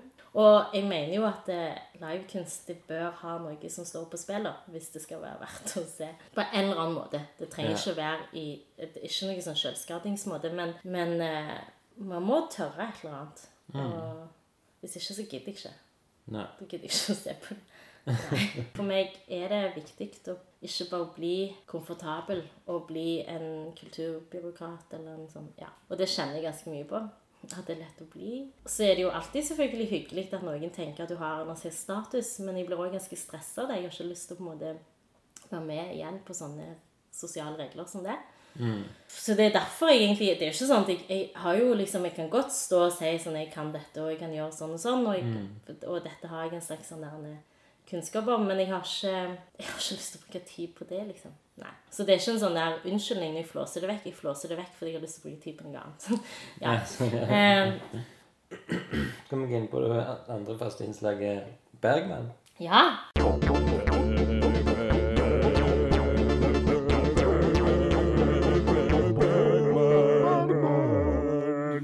Yes!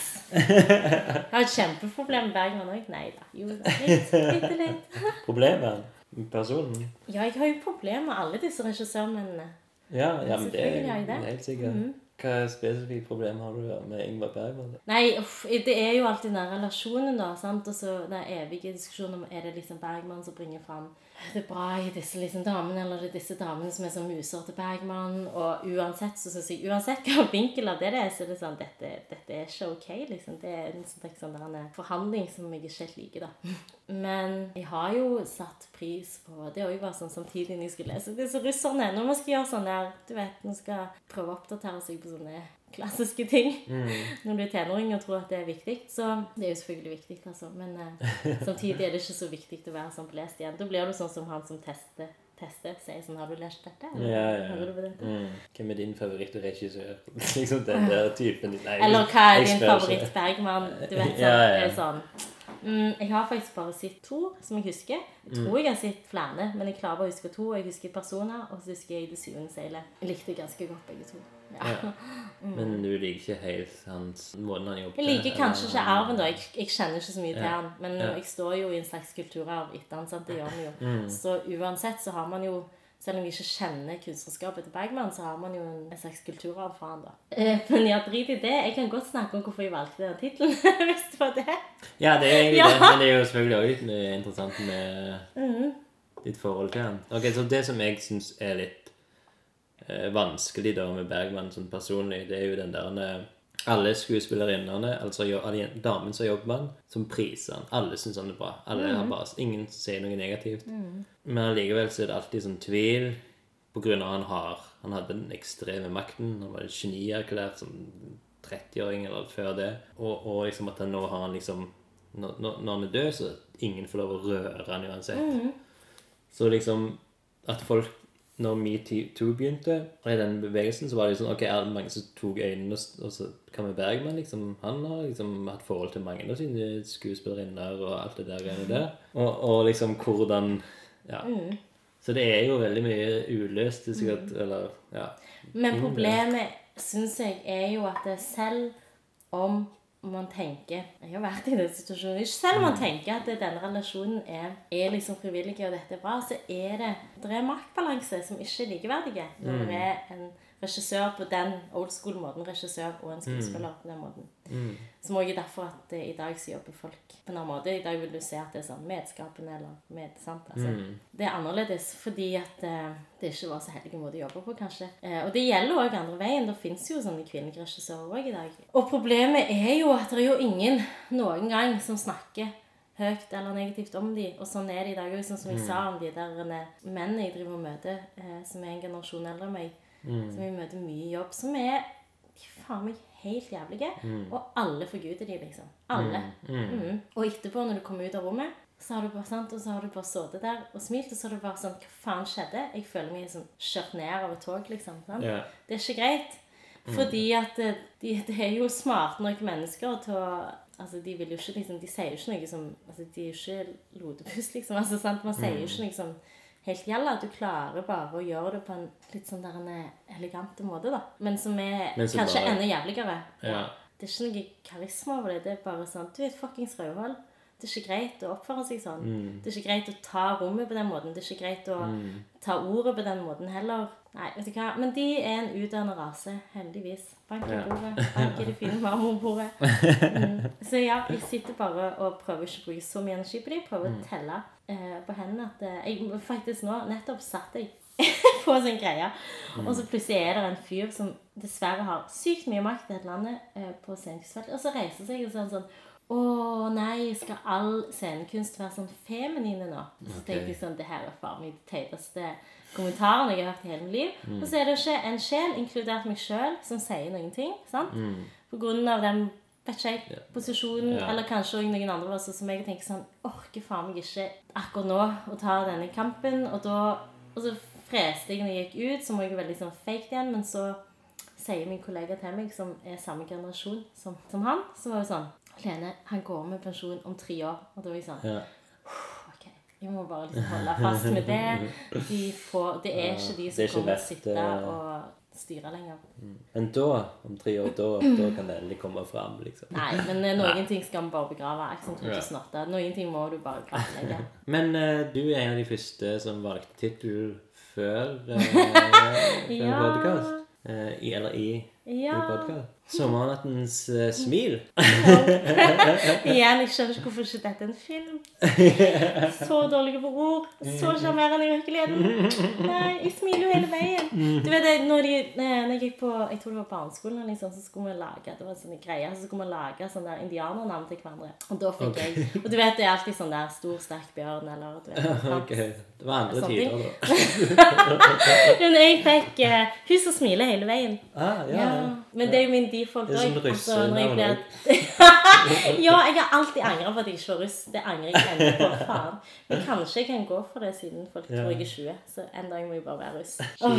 Ja, for igjen, sant, jeg var så skikkelig når jeg var liksom yngre. Jeg skulle være så jævla kul at det var sånn Jeg er faen ikke russ, det er bare teit. Mm. Og så ble jeg eldre, så er det sånn Å, jeg vil bare rølpe meg det, liksom. Hvorfor var jeg ikke russ? Ja, men nå er det jo litt flaut. Ja, men så droppa jeg ut òg i tillegg, så det hjelper ja, jo ikke. ja. Men eh, ja, men 'Sommernattens smil' Mm. jeg, eh, jeg, Egentlig så hadde jeg lyst til å velge det der eh, Sara Bande. Fordi oh, ja. Sara Bande er egentlig òg tittelen på en, et sykt fint eh, Den gangen scenekunst var det så nytt for meg, så eh, det er et litt sånn moderne, klassisk verk. Så er det verk som heter Sara Bande, som har et sånn De har et sånn magitriks på scenen som er dritfint. Det er så masse sånn ballettdansere. Og så springer de på scenen, så sender jeg til Nå er det sånn at ingen kan se dette her. Og så plutselig så kommer det bare et sånn gigantisk tøystykke, eller en sånn bølge av et tøystykke.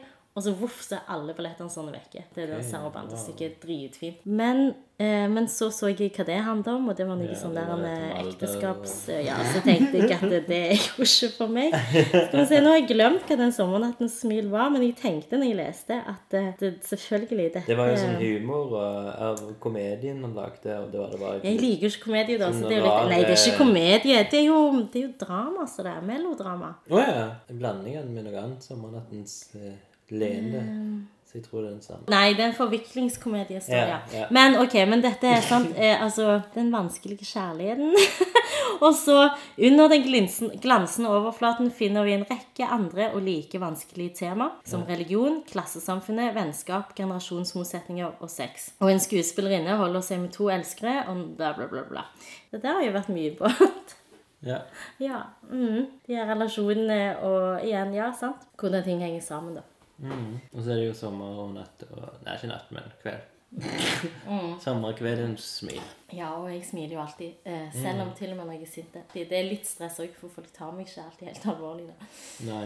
Ja, jeg syns det var fint. Det kan vi snakke litt om igjen òg, sant. Det med kjærligheten og at den skal være sånn der den er monogam alltid. Mm. Det, jeg vet ikke. Eller da, igjen, det ligger jo noen ting i samfunnet som er lagt ned, som, eh, som man tar for sannheter, som jeg tenker at det ikke nødvendigvis er sannhet om. Mm. jeg har ikke behov for å ha mange elskere. Men det, man har jo kanskje hatt det gjennom et liv, da, uansett. Ja, det har man jo. I forhold til det som jeg egentlig ville snakke om så tenker jeg at det, ja, sant igjen at jeg liker liksom å møte folk, er jo fordi aller mest så driver jeg jo ikke og lærer så mye om andre. Jeg driver og lærer sykt mye om meg sjøl. Mm. Så man vokser jo på en måte på, på disse relasjonene man har, da. Det med, når jeg begynte med Lunken kaffe, så var det for å lære om meg sjøl gjennom andre. Men det er jo dødssmart, for det er jo det jeg tenkte. Det er litt sånn som når man eh, lurer på en måte kunstnere til å være sånn Snakk om din eh, inspirasjon, eller snakk om Ja, ja, din ja. favorittkunstner. Prosess. Så er det sånn Du, du snakker jo egentlig ikke om, om det andre kunstnerskapet. Egentlig avslører du alt fra ditt perspektiv. Mm. sant? Og sånn er det jo med lunken kaffe. Så det er ganske smart. Det er jo sånn, det er jo sånn man må gjøre det. Ja.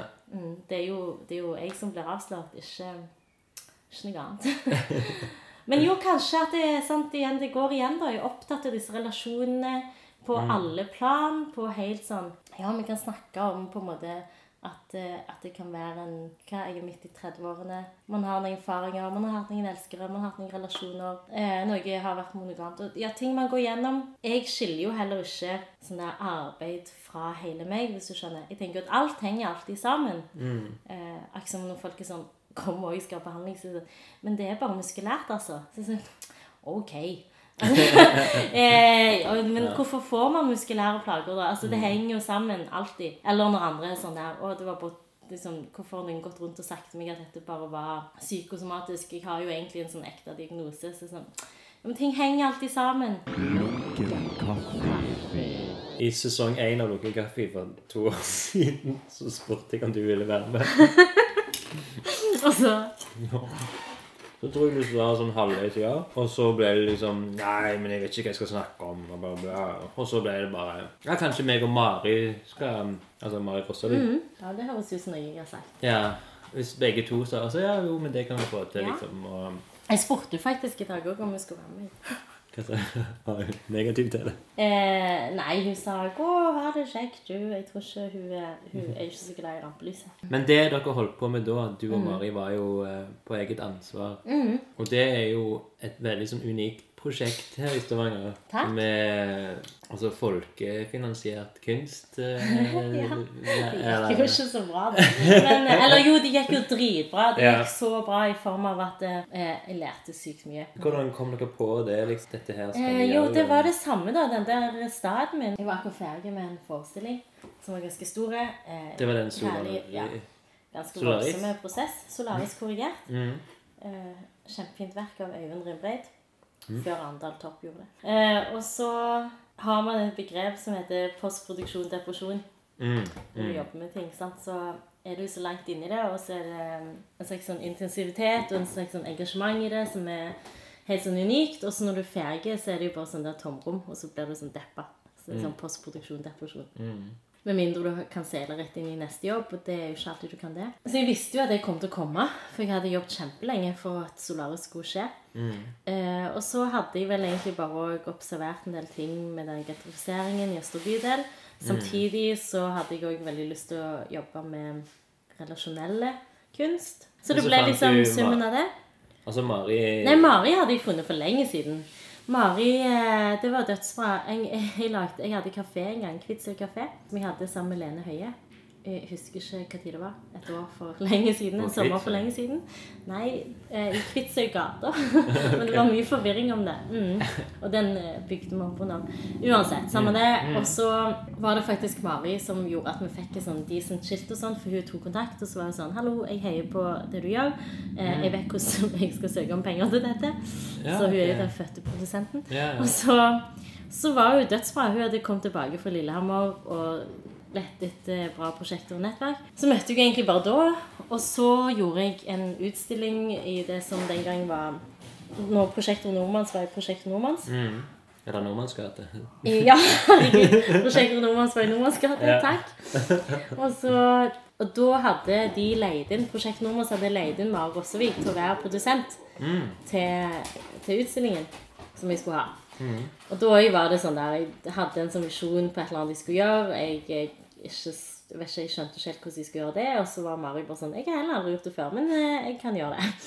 Så hun var dødsbra. Så. Og så når vi fikk midler til Solaris Korrigert, så da satt hun og jobbet som eh, daglig leder på Vids galleriet. Så gikk jeg bare innom til henne og så sa jeg sånn, dette må du tenke skikkelig på, for det kommer til å være sykt mye arbeid i forhold til hva du får betalt av meg, og jeg kan bli et monster og sånn, og det har hun virkelig erfart på godt og vondt. Så sikkert derfor også hun ikke kan være med meg her, og vi kan ikke snakke om det egentlig. For uh, Mari har for meg stått i last og brast, altså. Ja. Mm. Ja, så sa hun ja til å jobbe med meg eh, da. Og så etterpå så har vi valgt vi å fortsette å jobbe sammen med på eget ansvar. Så vi har egentlig jobbet sammen i mange, mange år, faktisk. Eh, så Men- vi visste vel bare at vi var et bra team. Mm. Eh, på eget ansvar, handler det om folkefinansiering? At dette gir dere penger på eget ansvar?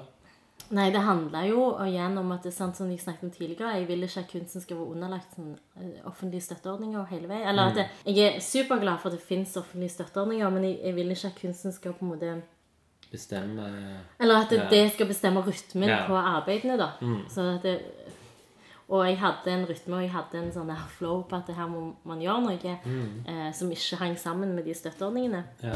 Og så må jeg være altfor utydelig i prosjektbeskrivelsen til at jeg kunne fått støtte til det. Jeg hadde aldri gitt støtte til det. sant? Så da må du jo finne ut hvordan du kan finansiere det utenom. Eh, og så hadde jeg jo heller ikke så lyst til å ha eh, investorer, på en måte, som private investorer på den måten. Eller sånn sant, før. Altså, det er jo Stavanger, og man kunne liksom bli sponset sånn før. Em, så syns jeg jo, for at jeg prøver jo å være sånn politisk fyr, da, så tenkte jeg jo at folkefinansiering folkefinans... I fyr og flamme. Eh, tenkte jeg at folkefinansiering var Men, men altså. Kickstarter, Kickstarter var ganske nytt, da? Var ikke det? Jo, vi skulle jo aldri brukt Kickstarter. Det er nummer én. Det var jo helt mislykka. Å, herregud. Ja, ja, ja. Vi skulle jo ha brukt sånn der bidra.no liksom. men det Men det kom vel etterpå? Jeg tror det fantes, Vi bare Ja, okay. det var litt nytt. Ja, Mm, Vi var ikke helt bevandra i Ja. den crowdfunding-verdenen. ja, jeg- Så det er jo kanskje det da vi heiv oss jo ut i noe vi ikke helt visste hva var da. Og så ba med egentlig altfor lite penger til å gjennomføre noen ting. Det var, jeg hadde en liste med så masse bra folk som skulle være med og bidra. Og vi skulle lage en byvandring, og vi skulle lage andre happenings, og det var jo masse ting vi skulle gjøre. Og så endte det egentlig bare opp med en ganske ok blogg, og så en happening hvor alle kom og forventa et eller annet, og så gjorde vi jo ganske lite. Men det var egentlig litt fint, for det handla litt om det der. På eget ansvar. Ja, vi ga, jo, vi ga jo vekk mye gratis sølv, så det likte det hjalp. Ja, det var det folk. Men folk kom jo og var sånn 'Nå begynner det. Skal du danse?' Jeg bare Ja. Og da var du Jeg hadde du ennå vondt i foten. Nei, nei. Men eh, jeg henta inn Arne Vold Godal som en kjempefin tekstilkunstner. Som òg var hun jeg gjorde den utstillingen i eh, Prosjekt Nordmanns med. Yeah. Altså Hun satt jo og gjorde en performance live. da. Hun satt jo og vevde eh, i en lavvo som hadde bygd. Bare yeah. lavvo uten tekstilen igjen. Så det var bare sånn skjelett av en lavvo. Med lys. Med lys! De lampene gikk vi Ja, gjennom mye for å få tak i. Claes Olsson gjennom hele landet. De gikk ut av produksjon, så vi ringte hver Claes Olsson-butikk i hele landet. Mm. Og så jukste vi òg, for jeg ringte Bjørnar Mæland, som er helt fantastisk lysdesigner i den byen.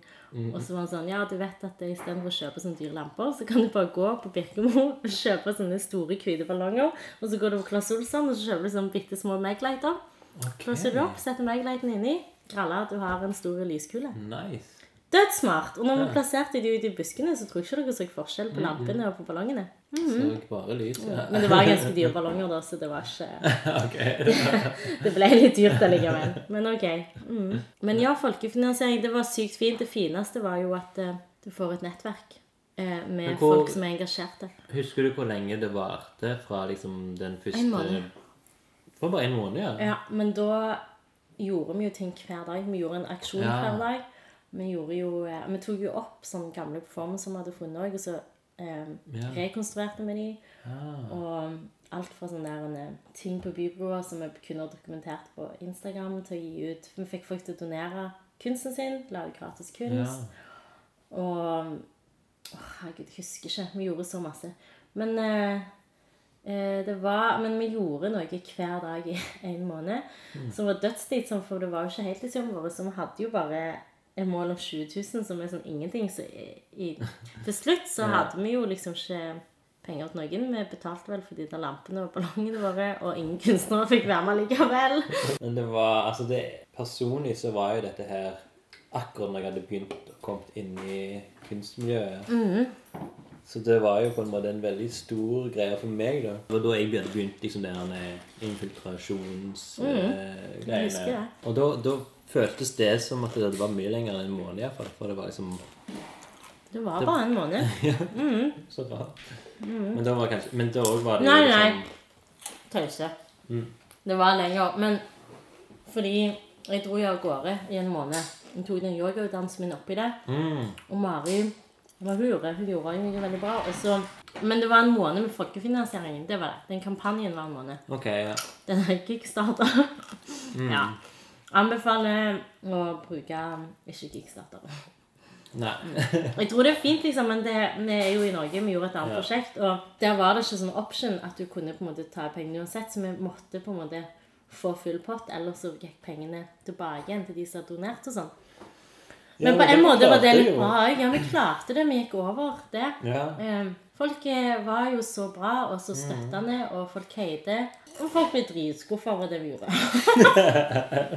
mm, jeg føler at eh, Tusen takk, alle som støtta, og sorry for at jeg, at jeg ikke levde opp til forventningene. Mm. Men Fikk eh, iallfall alle en sånn visittkort med på eget ansvar på? Det fikk jeg. eh, Ja, du fikk Jeg vet ikke om alle har fått det. Jeg, eh, nå nettopp, så når jeg drev og flytta nå, så heiv jeg. Jeg hadde en hel bunke. Jeg hadde også sånn der en eh, klistremerke med sånn kette, hva heter det, sånn QR-kode. Sånn, rett inn på på eget ansvar.no. Nei, de òg heiv jeg nå. Men bloggen fins ennå. Den lever.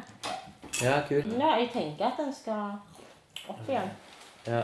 Har, det der Patreon-greiene, har du Det er jo også sånn en folkefinansiering på en sånn helt Men det har jo blitt ganske stort. Og så har jeg òg sett sånn kunstnere som driver og har sånn der don donasjonsknapp på hjemmesiden sin og sånn. Ja. Men jeg syns det er litt stress igjen, for da blir det plutselig Eller jeg vet ikke. Det er liksom begge deler. For da, eller man må lage noe som folk setter pris på på et eller annet vis. Men det som skjedde med hele På eget ansvar, var at for første så var det ganske utydelig på en måte. Samtidig så var vi ganske tydelige som at vi ville gjøre noe som var utenfor institusjonene på et vis i denne byen. ja, men Også, det var, det var jo veldig kult hele tida. Det prosjektet var jo dødskult. Bloggen var dødskul. Ja, takk. Men jeg, Eh, vente, det fikk jo ikke jeg med meg så mye Nei, det var veldig gøy, annet enn at folk fikk et sånn der en sykt eh, antiklimaks fordi de kom og forventa at vi skulle gjøre et eller annet sånn spektakulært, og så var det mer en sånn slags installasjon, da. Ja, men kanskje, Men det, den møter jeg jo det- hele veien, fordi folk er sånn Ja. 'Å, du er danser', og så tror de at de skal danse. Og jeg tror det- aldri jeg har danset i en Ja. eneste forestilling. Ja. Kanskje det som er liksom greia som du kan ha lært på det, at du, må, at du skulle vært litt tydeligere på hva som var Nei, resultatet? fordi sånn har jo alle arbeidet min vært òg. Fordi Mm. folk er sånn 'Ja, du er danser.' Så tror de at jeg skal danse. Men det er liksom min far sier det. Eller min mor og far. Og de er sånn 'Du Len, du må ikke si at du jobber med dans', for da blir folk så skuffa når de Ja, kommer og ser på. Og det er helt sant, for det, det, er på en måte Det er ikke sånn at jeg eh, jobber nødvendigvis med sånn tradisjonell dans, hvis du skjønner. Det er ikke fem, seks, syv, åtte og Det er ikke sånn. Ja, ja. Men du sier vel samtidsdans? Ja, jeg vil jo si at det er det jeg har jobbet mye med. Mm. Og det er jo Da må jo folk tenke litt sånn de gjør ikke det. Nei. At de bare visker vekk samtidig. og bare dans. Og, ja, dans kjenner jeg til. Ja. Ja. Det lærte jeg på skolen. Ja. Sånn reinlender og Ja, sånn. det heter Ja. den der eh, Polka. Ja, men det her med Jeg holdt på å si parese. Eh, Ja, ja, polynese. Polynese, ja. Det, Ja. det er sånn folk tenker. Ja. Dans. Ja, ja, ja. ja, ja Tanten min kommenterte her på Facebook i dag, og så var det sånn Å, gud, du er så flink, Lene. Jeg kan bare danse swing. Og så er det sånn Ja, men det er topp med swing òg. Det er bare å jobbe med noe annet, liksom. Det, ja.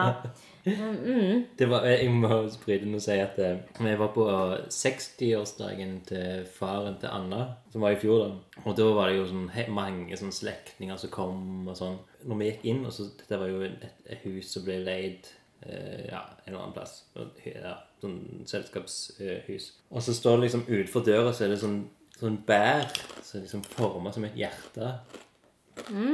Så det var, jeg tror det var tre personer som kom bort til Anna og sa Jeg så det var deg med en gang, Anna. Du er så kreativ. Med den Ja. hjertet. Du lagde det flotte hjertet der med bær. Du som Men- er kunstner. Det så jeg med en gang. Ja, men så er det så stress, fordi jeg hater liksom å måtte på en måte gjøre narr av sånne Hva skal jeg si? En sånn der, Folket. bygdegreier. For det, Ja. jeg er jo vokst opp sånn. Jeg er jo fra en sånn familie, og alle tenker jo at det, eller, Og det ser jeg òg når folk jeg Synde. møter. Synde for life, liksom. Men folk tror jo at jeg kommer fra sånn der etablert og ressurssterke hjem. Jeg kommer jo fra et etablert hjem, altså. Men, eh, men min far er lastebilsjåfør, og min mor er uføretrygda, og de er de mest kjærlige foreldrene jeg kunne hatt i hele liv. De har adoptert meg, som er noe helt annet enn å bare få en baby tilfeldig. Yeah. Men de driter i hva jeg jobber med. Og det syns jeg er dødsbra. Mm. For det, de har alltid vært sånn Jeg kunne blitt, jeg kunne blitt jurist, jeg kunne blitt lege, jeg ble samtidsdanser.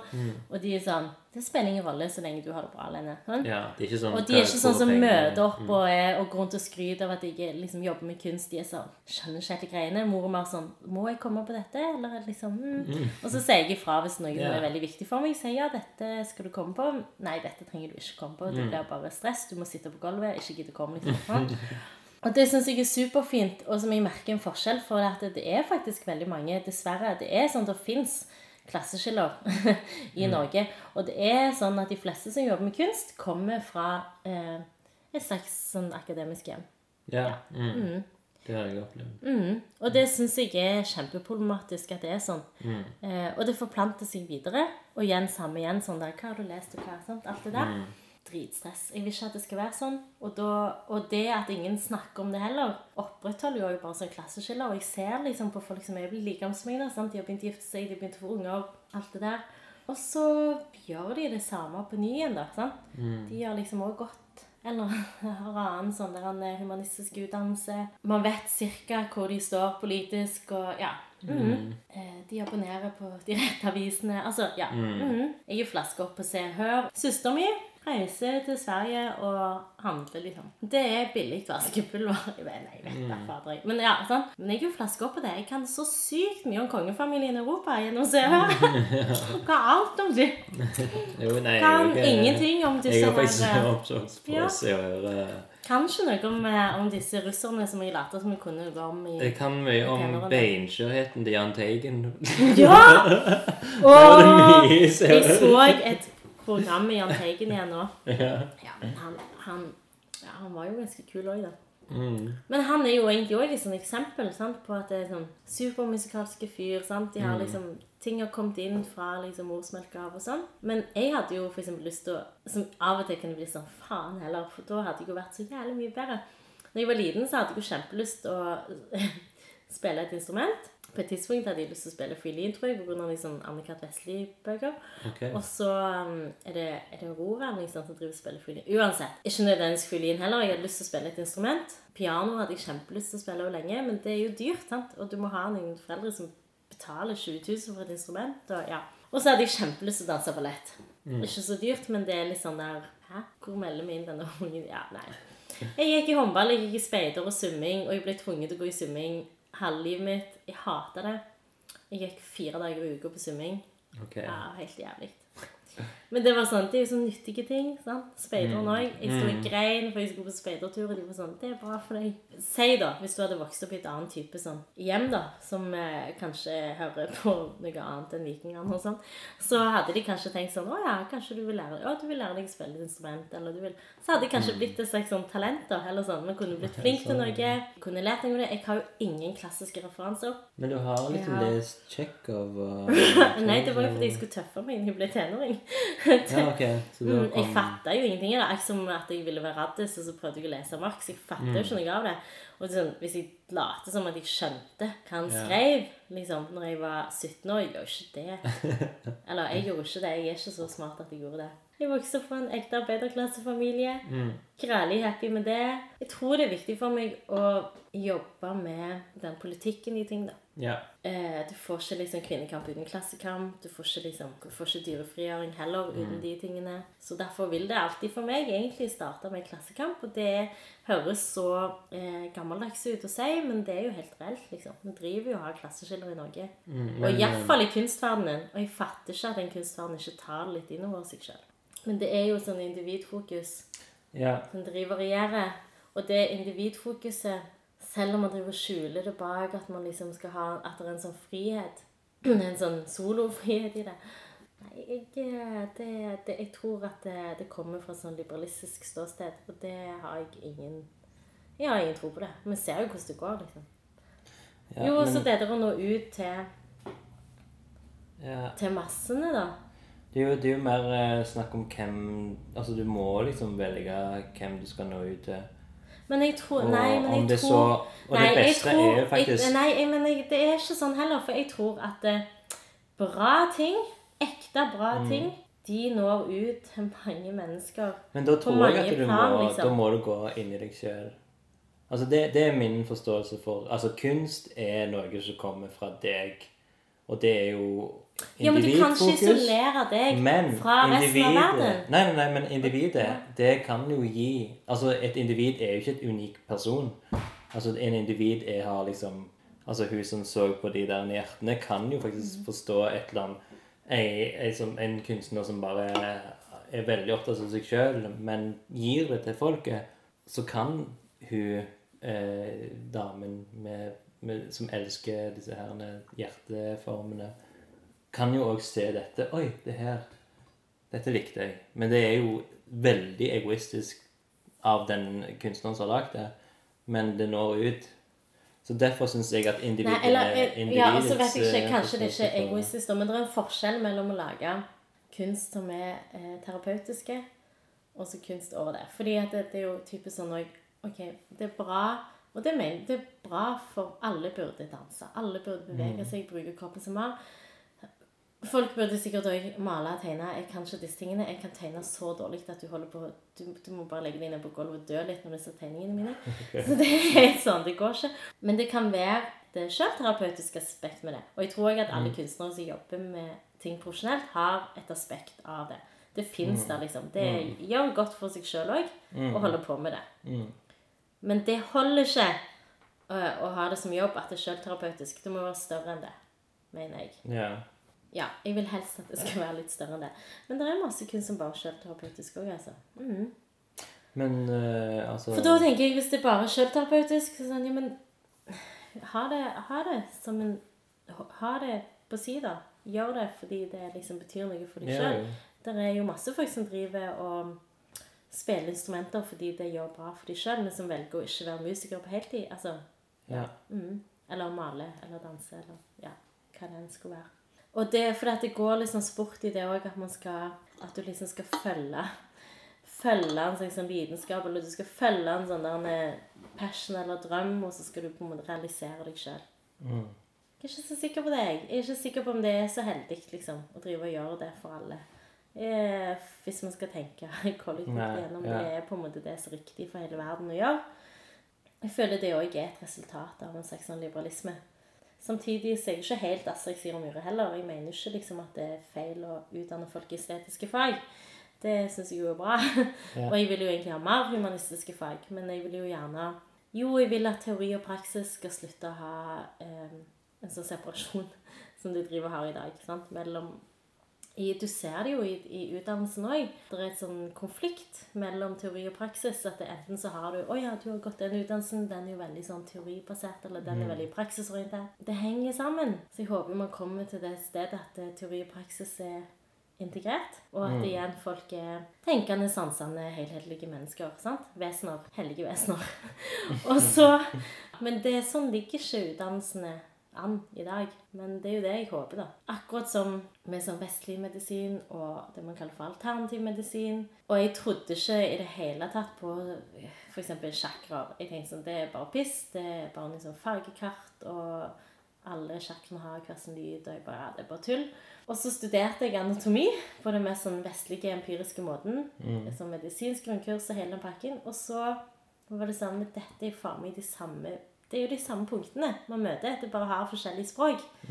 Fordi ting har oppstått. Eh, man har, altså, mennesker er ganske like. Og hvis du skreller liksom denne tanten som ligger disse hjertene ned til liksom Hvis du tar på en måte skreller av lag for lag av hun og lag for lag av meg og deg, så er de skjelettene våre ganske like, og oppbyggingen vår er ganske like. Og, ja, og der har det endret seg ganske lite på sånn 300 milliarder år. Liksom? Dessverre. Men iallfall så tror jeg at eh, vi må på en måte innse at eh, vi er jo en slags sånn merkelige rasevesener som eh, egentlig er ganske kollektive av oss. Og så driver vi og later som vi ikke er kollektive, og det er bare tull. Og så liker jeg kjempegodt den anatomien. Den går jeg ganske ofte til, for den er så konkrete. Og da er det sånn Ja, men der snakker du om reisverk. Så du snakker liksom om skjelettet, for eksempel. Det er et reisverk. Og det er så fint norsk ord, syns jeg, at det er sånn Det er et verk som driver og reiser rundt i verden. Jeg liker det kjempegodt. At skjelettet driver og er sånn reisverk, og så bærer det med seg alle disse Ja, alt det her kjødelige omkring seg og sånn. Det er et reisverk. Ja, ja, men det er jo Ja, og på norsk så er det liksom skjelett reisverk. Jeg syns det er kjempefint. Mm. Så det hjelper meg å gå til, til det konkrete, da, til anatomien. For det fins jo. Det er jo her. Jeg, eh, ja, igjen, jeg har brukket denne hånda, det er helt konkret. Det er ikke så mye å drive og lure på. Det er liksom, mm, det fins. Men alt det her subtile som, man, som du ikke kan ta ut i noen sånne datamålinger, eller du kan ikke se det, eller du kan, du kan ikke ta i det. Men det er sansbart allikevel, og det eksisterer så masse allikevel. Det håper jeg jo at det er noe vi klarer å anerkjenne mer i framtiden. Og da kan man kalle det for triggerpunkter, eller for eh, chakraer, eller du kan kalle det for eh, det subtile altså, Jeg vet ikke, samme det, det er på en måte bare språk, men man må anerkjenne at ting møtes i forskjellige felt. Det gjelder også i kunsten. Sant? Ting overlapper. Hva er liksom performative, som vi snakket i begynnelsen? Hva er, liksom, hva er relasjonen mellom performance og det performative andre kunsten? Det er relasjoner hele veien. Ting overlapper hele ting. Sant? Eh, kunsten, politikken, livet, det henger sammen. Hvordan jeg velger å leve mitt privatliv, henger òg sammen med til slutt det økonomiske systemet. Alt henger faen meg sammen. Og hvis vi ikke kan på en måte begynne å se på det, og legge om igjen noen måter vi driver og har systematisert oss på, nei, da, da er det ikke noe opp for oss. Men vi må gjøre det, liksom. Og da igjen er det sånn Det man tenker, det man gjør. Dritbasic. Hvordan kan jeg leve med meg selv? Hvordan skal jeg leve med min fortid?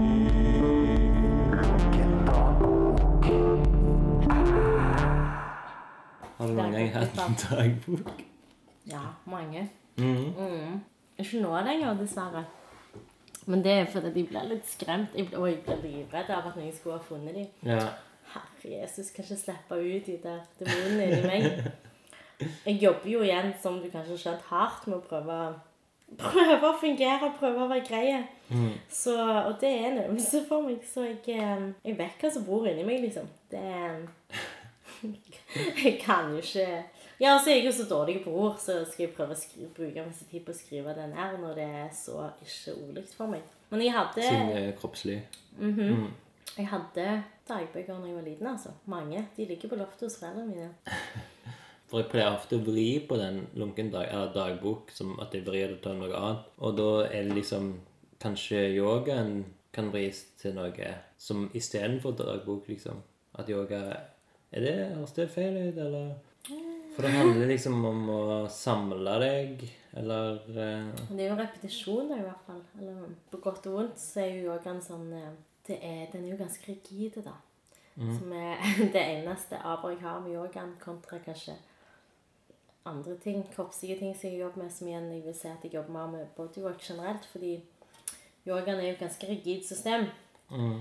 Og jeg tror ikke på så veldig rigide disipliner. det har du kanskje skjønt. Nei, jeg er ikke fan av det. Men du, har, du er jo yogi. Mm, men jeg eh, Ja, altså, jeg liker jo repetisjoner. Men jeg liker ikke når det blir for strenge disipliner. Mm. Nei, jeg vil ikke si at jeg har noe dagbok. Jeg, jeg bare tenker sånn eh, For det er jo liksom det å sånn, Som eksempel stress. Det dagbok kan kan- kanskje hjelpe deg mot stress med at du skriver ned ting Ja, sånn, ja. og holder orden på hodet ditt. Og det føler jeg òg er Ja, liksom ja, sånn kan jeg gjøre liksom for å Tankene kan faktisk gå litt vekk. Ja. Eller det er jo litt Ja, med, ja, ja. meditasjon kanskje òg, men uh, Ja, da er det jo ikke bare yoga. Da er det bodywork. Ja. Punktum, liksom. Mm. Mm. Jeg tror at folk må, må jobbe mer med kroppene sine. ja. Ja, og ikke jobbe som å bli liksom fit og sånne Mm. ting. Det driter jeg i. Ja, ja, hallo, det har jeg ikke jobb for sjøl heller. Men, uh, men jobbe for å, å kjenne seg sjøl i det. ja. Ja, ja, ja. Det må, det må folk gjøre mer av. Mm. Uh, og det trenger ikke være yoga. For noen er det yoga. For noen er det fem rytmer, og for noen er det å tegne, og for noen er det å vet ikke, lese den samme avisa hver dag. Det spiller ikke noen rolle, og jeg tror ikke det trenger å være repet, hva heter det, repetitivt heller. Det har med et slags mindset å gjøre, tror jeg. Mm. Mest av alt. Jeg tror det handler igjen om den der Ja, hva tenker du? Jeg har sagt det så mange ganger i dag. Det du tenker, det, det betyr masse, liksom. Ja. Og det har man Det kan du bestemme deg for. Du kan på en måte prøve å legge deg inn på hva frekvens du har lyst til å være på det. Det er en øvelse. Ja. Mm. Når du sier at du har litt søvnproblemer, handler det om tanker? Nei, det handler jo om utmattelse. Jeg driver jo, Det er jo det som er ironisk da når jeg har jobbet så mye med kropp. Så driver jeg jo bare og kjører den kroppen i dass hele veien. Hele veien. Mm. Ja. Alltid sliten. Men jeg har jo ikke heller noe ambisjon Jeg har aldri hatt lyst til å leve lenge og sånn. så jeg tror det er det òg. Jeg kan godt liksom få et hjerteinfarkt. Det går fint. Eh, ja, så det går jo Ja, nei, ja, det er kanskje noe med det. Har Men er det ansvarsfølelse, da? For eh, altså Nei, det har jo vel en slags sånn der en eh, blanding av feighet og samvittighet. Jeg er ikke på en måte, jeg er ikke der at jeg har tenkt å ta mitt eget liv. Så jeg må liksom forholde meg til å leve. Men eh, jeg mener jo liksom Det går jo rart til helvete med hele verden. Og jeg ser ikke at folk gidder å ta ansvar for seg sjøl eller for hverandre. Eller, og folk driter i hverandre òg. Folk er så ego. Og folk er så sjølbevisste og så opptatt av på en måte hva man skal være og hva man skal gjøre. Og så tror man at det Altså bygger man sånn identitet på, på det man driver og gjør. Igjen denne empatien. Jeg vet ikke helt hvor den er, er henne. Og så ja, og folk har det bak sånn der kjærlighetskonsept som syns er ganske rollsete. Nei, jeg syns godt at livet kan gå det fort. Jeg. Det går helt greit. Og jeg tror ikke på at, eh, på at den der sjelen min har samme bevissthet etterpå. sånn at eh, Jeg vet ikke om jeg tror på en sjel engang. Så det, det, den der materien bare oppløses og blir noe annet. Så det er fint. Kan legge, legge alt dette her Det kan gå over til noe annet. Inngå i den der store fotosyntesen eller noe. Det er topp, det. ja, Okay, ja. Ja, så det er veldig rart, for jeg på en måte så er jeg jo evig sånn der kronisk depressiv. På den andre siden så er jeg jo ekstremt liksom engasjert i livet. ja. For meg er det samme greia. Hvor går tankene da? Jeg har jo ikke så mye tanker. Det er det som er problemet. Tenker ikke så mye. De bare er.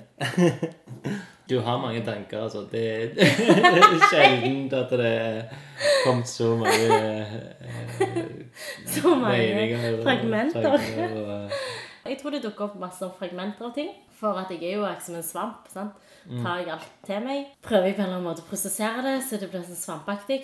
Eh, men jeg driver ikke og forfølger ting så veldig mye, for der er jeg jo ikke en sånn akademisk analytiker. Og det, jo, dette Jo, nå har jeg, det er jo det som er egentlig også noe av måten jeg prøver å jobbe på.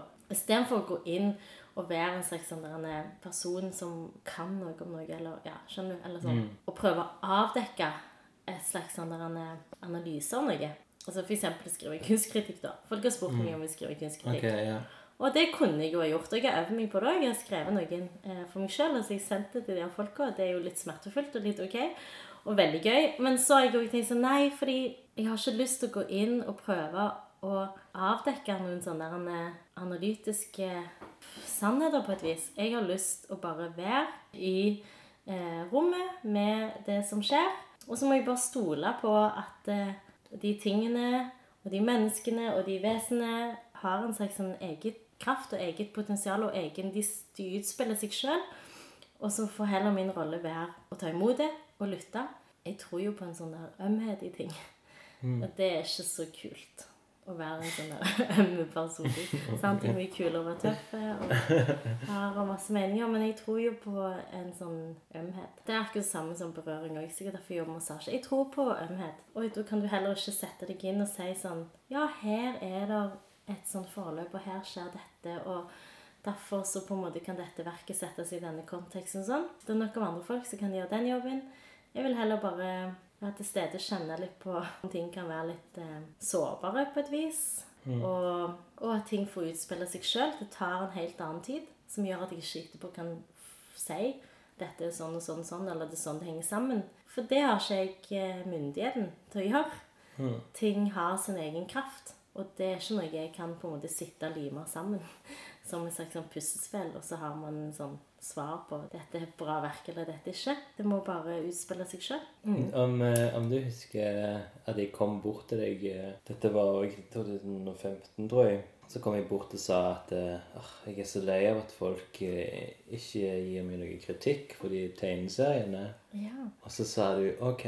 Så sa jeg sånn Kanskje du Så jeg spurte deg kanskje du liksom kritiserer eller sier et eller annet konstruktivt. Ja, det kan være. Det du sa da, var at, det, at jeg liksom gjorde Altså at jeg gjorde for mye av det. At liksom jeg måtte liksom Jo, det eh, stemmer. Jeg har sagt noe om det. Ja, hva Ja, at, liksom, at jeg måtte liksom være litt mer, eh, mer kritisk til mitt eget verk. Og at liksom Eller det er ikke verk. Nei, eller men, kanskje eh, at du ja, Nei, jeg tror jeg husker det. Jeg angrer litt på at jeg sa det òg. Jeg tror at det handla litt om at eh, Jeg var jo litt full. følte at du sa Ja, ja, ja. Mm, Det går jo eh, Ja, jeg, kan, jeg klarer jo aldri å stå for det jeg sier. Dette er jo problemet. Jeg står jo aldri for det jeg sier. Mm. Så to sekunder etterpå så har jeg jo endra mening. Men det er jo Mm. òg det jeg syns er fint, at man kan gjøre det. Jeg må ikke på en måte være sånn Det er ikke Jo. sånn at jeg har lagt ifra meg konstant for evig alltid. Det driver og endrer seg hele veien. Mm. Eh, men jo, jeg tror det handla om at, eh, at jeg følte at du søkte bekreftelse. Ja, det er jo sånn, ja. For prosjektet var jo mm, litt en sånn søkerbekreftelse, eller søke en sextilhørighet. Ja. Eh, som er litt av det samme. Jeg «Nå, ja, men jeg kan jo gå inn og, og sikkert fungere som en slags eh, Å, jeg kan noe om denne scenekunsten eller et eller annet sånt, og så kan jeg begynne å snakke sånn der fagspråk, eller Jeg hater sånn Jeg kaller det bare for språking. Hater språking. Det er det verste jeg vet om. Men heller bare stole på at eh, om man ikke skal oppfylle de der kriteriene om en sånn kunstkritikk, eller å få en sånn tilbakemelding, og så poster man det, og så har man fått anerkjent arbeidet sitt eller seg sjøl på en eller annen måte, men bare igjen bare rive opp i den måten ting funker på, da. Ja. Mm. Det kom ganske bra eh, kritikk, da. Jeg husker jeg tok det til meg, men allikevel så var det sånn Nei, vet du hva, jeg, jeg skal gjøre det motsatte. Og så, Ja, tror jeg, så bare heiv jeg mer og mer ut. Men du hadde et veldig godt poeng, da. Den der eh, bekreftelsesgreia. Som jeg er litt lei av nå. Men føler du Ja, for det er jo det, da. For nå har du på en måte oppnådd de der tingene som du snakket om, og, og Ja. har blitt en bok, og Ja. Ja, alltid sammen, og folk har liksom anerkjent deg, og Tegneforbundet har anerkjent deg. Mm. Men har det gitt deg noe mer lykke, da? Altså, Er du et lykkeligere menneske av den grunn? Eh, altså, jeg er jo på en måte lykkelig Altså, det er jo et Det er jo det som er målet med livet, da, er det ikke det? Nei, men altså, skal jeg, jeg tenker liksom sånn litt altså, Klare og litt lykkeligere. Ja, ok, så, så, så min ting var liksom at jeg, jeg ville liksom komme inn i kunstmiljøet. Mm. Jeg måtte ha en greie, og det var jeg tegneserier. Og så måtte jeg liksom få en bekreftelse fra kunstnere om jeg var godtatt som eh, tegneserietegner i kunstmiljøet. Og så ble jeg det. Og så, jeg fikk ikke bli med, med i Nei, ja, nei, stemmer. Det der BKFR. Ja, BKFR, ja. ja. Jeg ble skikkelig sur, Ja. eh, men så ble jeg liksom med i Tegneforbundet, som gjorde at jeg ble med i Norske billedkunstnere Ja. automatisk, som, som gjør at jeg er internasjonal. Men Kunstner. er det liksom Men- Det er viktig? Det er Nei, på ja, altså, det, det er liksom det, det er tematisk, den der tegneseriegreiene, at alt det der er veldig bra, mm. sånn sett. Men lykken kommer jo liksom med venner jeg traff. Ja, sant? Altså, jeg har fått venner som kommer til å ha livet ut. Ja. Jeg har funnet en fantastisk kjæreste Ja. som jeg Det er lykke, liksom. Det, Ja. det var veldig mye Men det er jo det jeg mener òg, at det er derfor det man kan isolere de tingene. Ja. For hvis du hadde tatt vekk liksom vekk kjæresten, tatt vekk liksom de vennene og sånn, og så Eller ja. Det går jo ikke an. Det henger jo sammen. Mm. Og det er liksom Det er jo en veldig eh, overfladisk, teit ting. liksom Personlig syns jo jeg egentlig at det er en Jeg kunne aldri gjort Altså, det er veldig det hiphop. Det jeg gjorde, liksom, for å si det sånn, liksom. Real, liksom. Ja.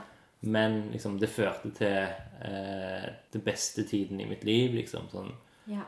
Og, og lykke har jeg jo av en annen grunn klart å få. Men eh, veldig hyggelig. Nei, dette er så stress. Jeg har eh, angst herifra til månen. Rundt månen. Jeg har jo egentlig ikke angst engang, men eh, det fikk jeg nå. Mhm. Ok. Og det verste er at jeg brenner inne med så mye greier jeg har lyst til å si, vet du, men så prøver jeg å begrense meg fordi at det det er sånn opptak her. Prøver jeg å høres litt skikkelig ut, og så vet jeg at det, men det kommer jeg aldri til å klare uansett. Jeg får kritikk på hele veien. Jeg er ikke en sånn person. Så det her faller mellom alle staver. liksom. Ikke staver og stoler, skjønner du. Ordtak, det er min styrke. Du vet at jeg, jeg har eh, helt fram nå Jeg er 33 år, snart 34 om noen dager. Så jeg trodde at det heter Der steinen trykker. Altså, det er jo der skoen trykker. Ja. Så jeg sånn Men det Ja, men skoen skoen trykker jo ikke. Det er jo stein som trykker. Ja, hva syns du om det?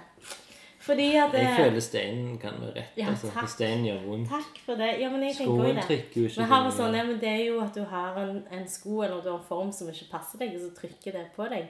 Ja.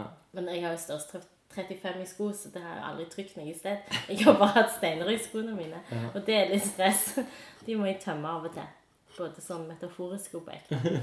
Jeg føler jo at jeg har levd i en hel del relasjoner òg. Jeg har mange fine relasjoner. Og, og så er det alltid sånn der Men du um, har jo ikke kontroll på livet ditt, Lene. Alt er så kaotisk. Sånn. Og nå må du vokse opp, og ting må liksom bli ordentlig. Så sånn, men det skal jo alltid være sånn. Jeg skal jo alltid ha det sånn kaotisk. Hallo. Jeg har jo fred i det kaoset. Yeah. Men uh, ja, ja. Jeg vil jo for alt i verden ikke inn i, inn i en eller annen sånn A4-boks. Takk. Takk for meg. ja. Da må jeg si takk for i dag. Lene Aasjø. Håper du er fornøyd. Håper du syns det var litt kjekt. Takk for at du kom på besøk i Ja. eh, Villa Villa. Jeg, jeg har kost meg. Og det er hunden som peser i bakgrunnen. Ja. Det skulle ha vært på film. Ja. Det er bare hashtag 'det skulle ha vært på film'. Neste gang er det på film.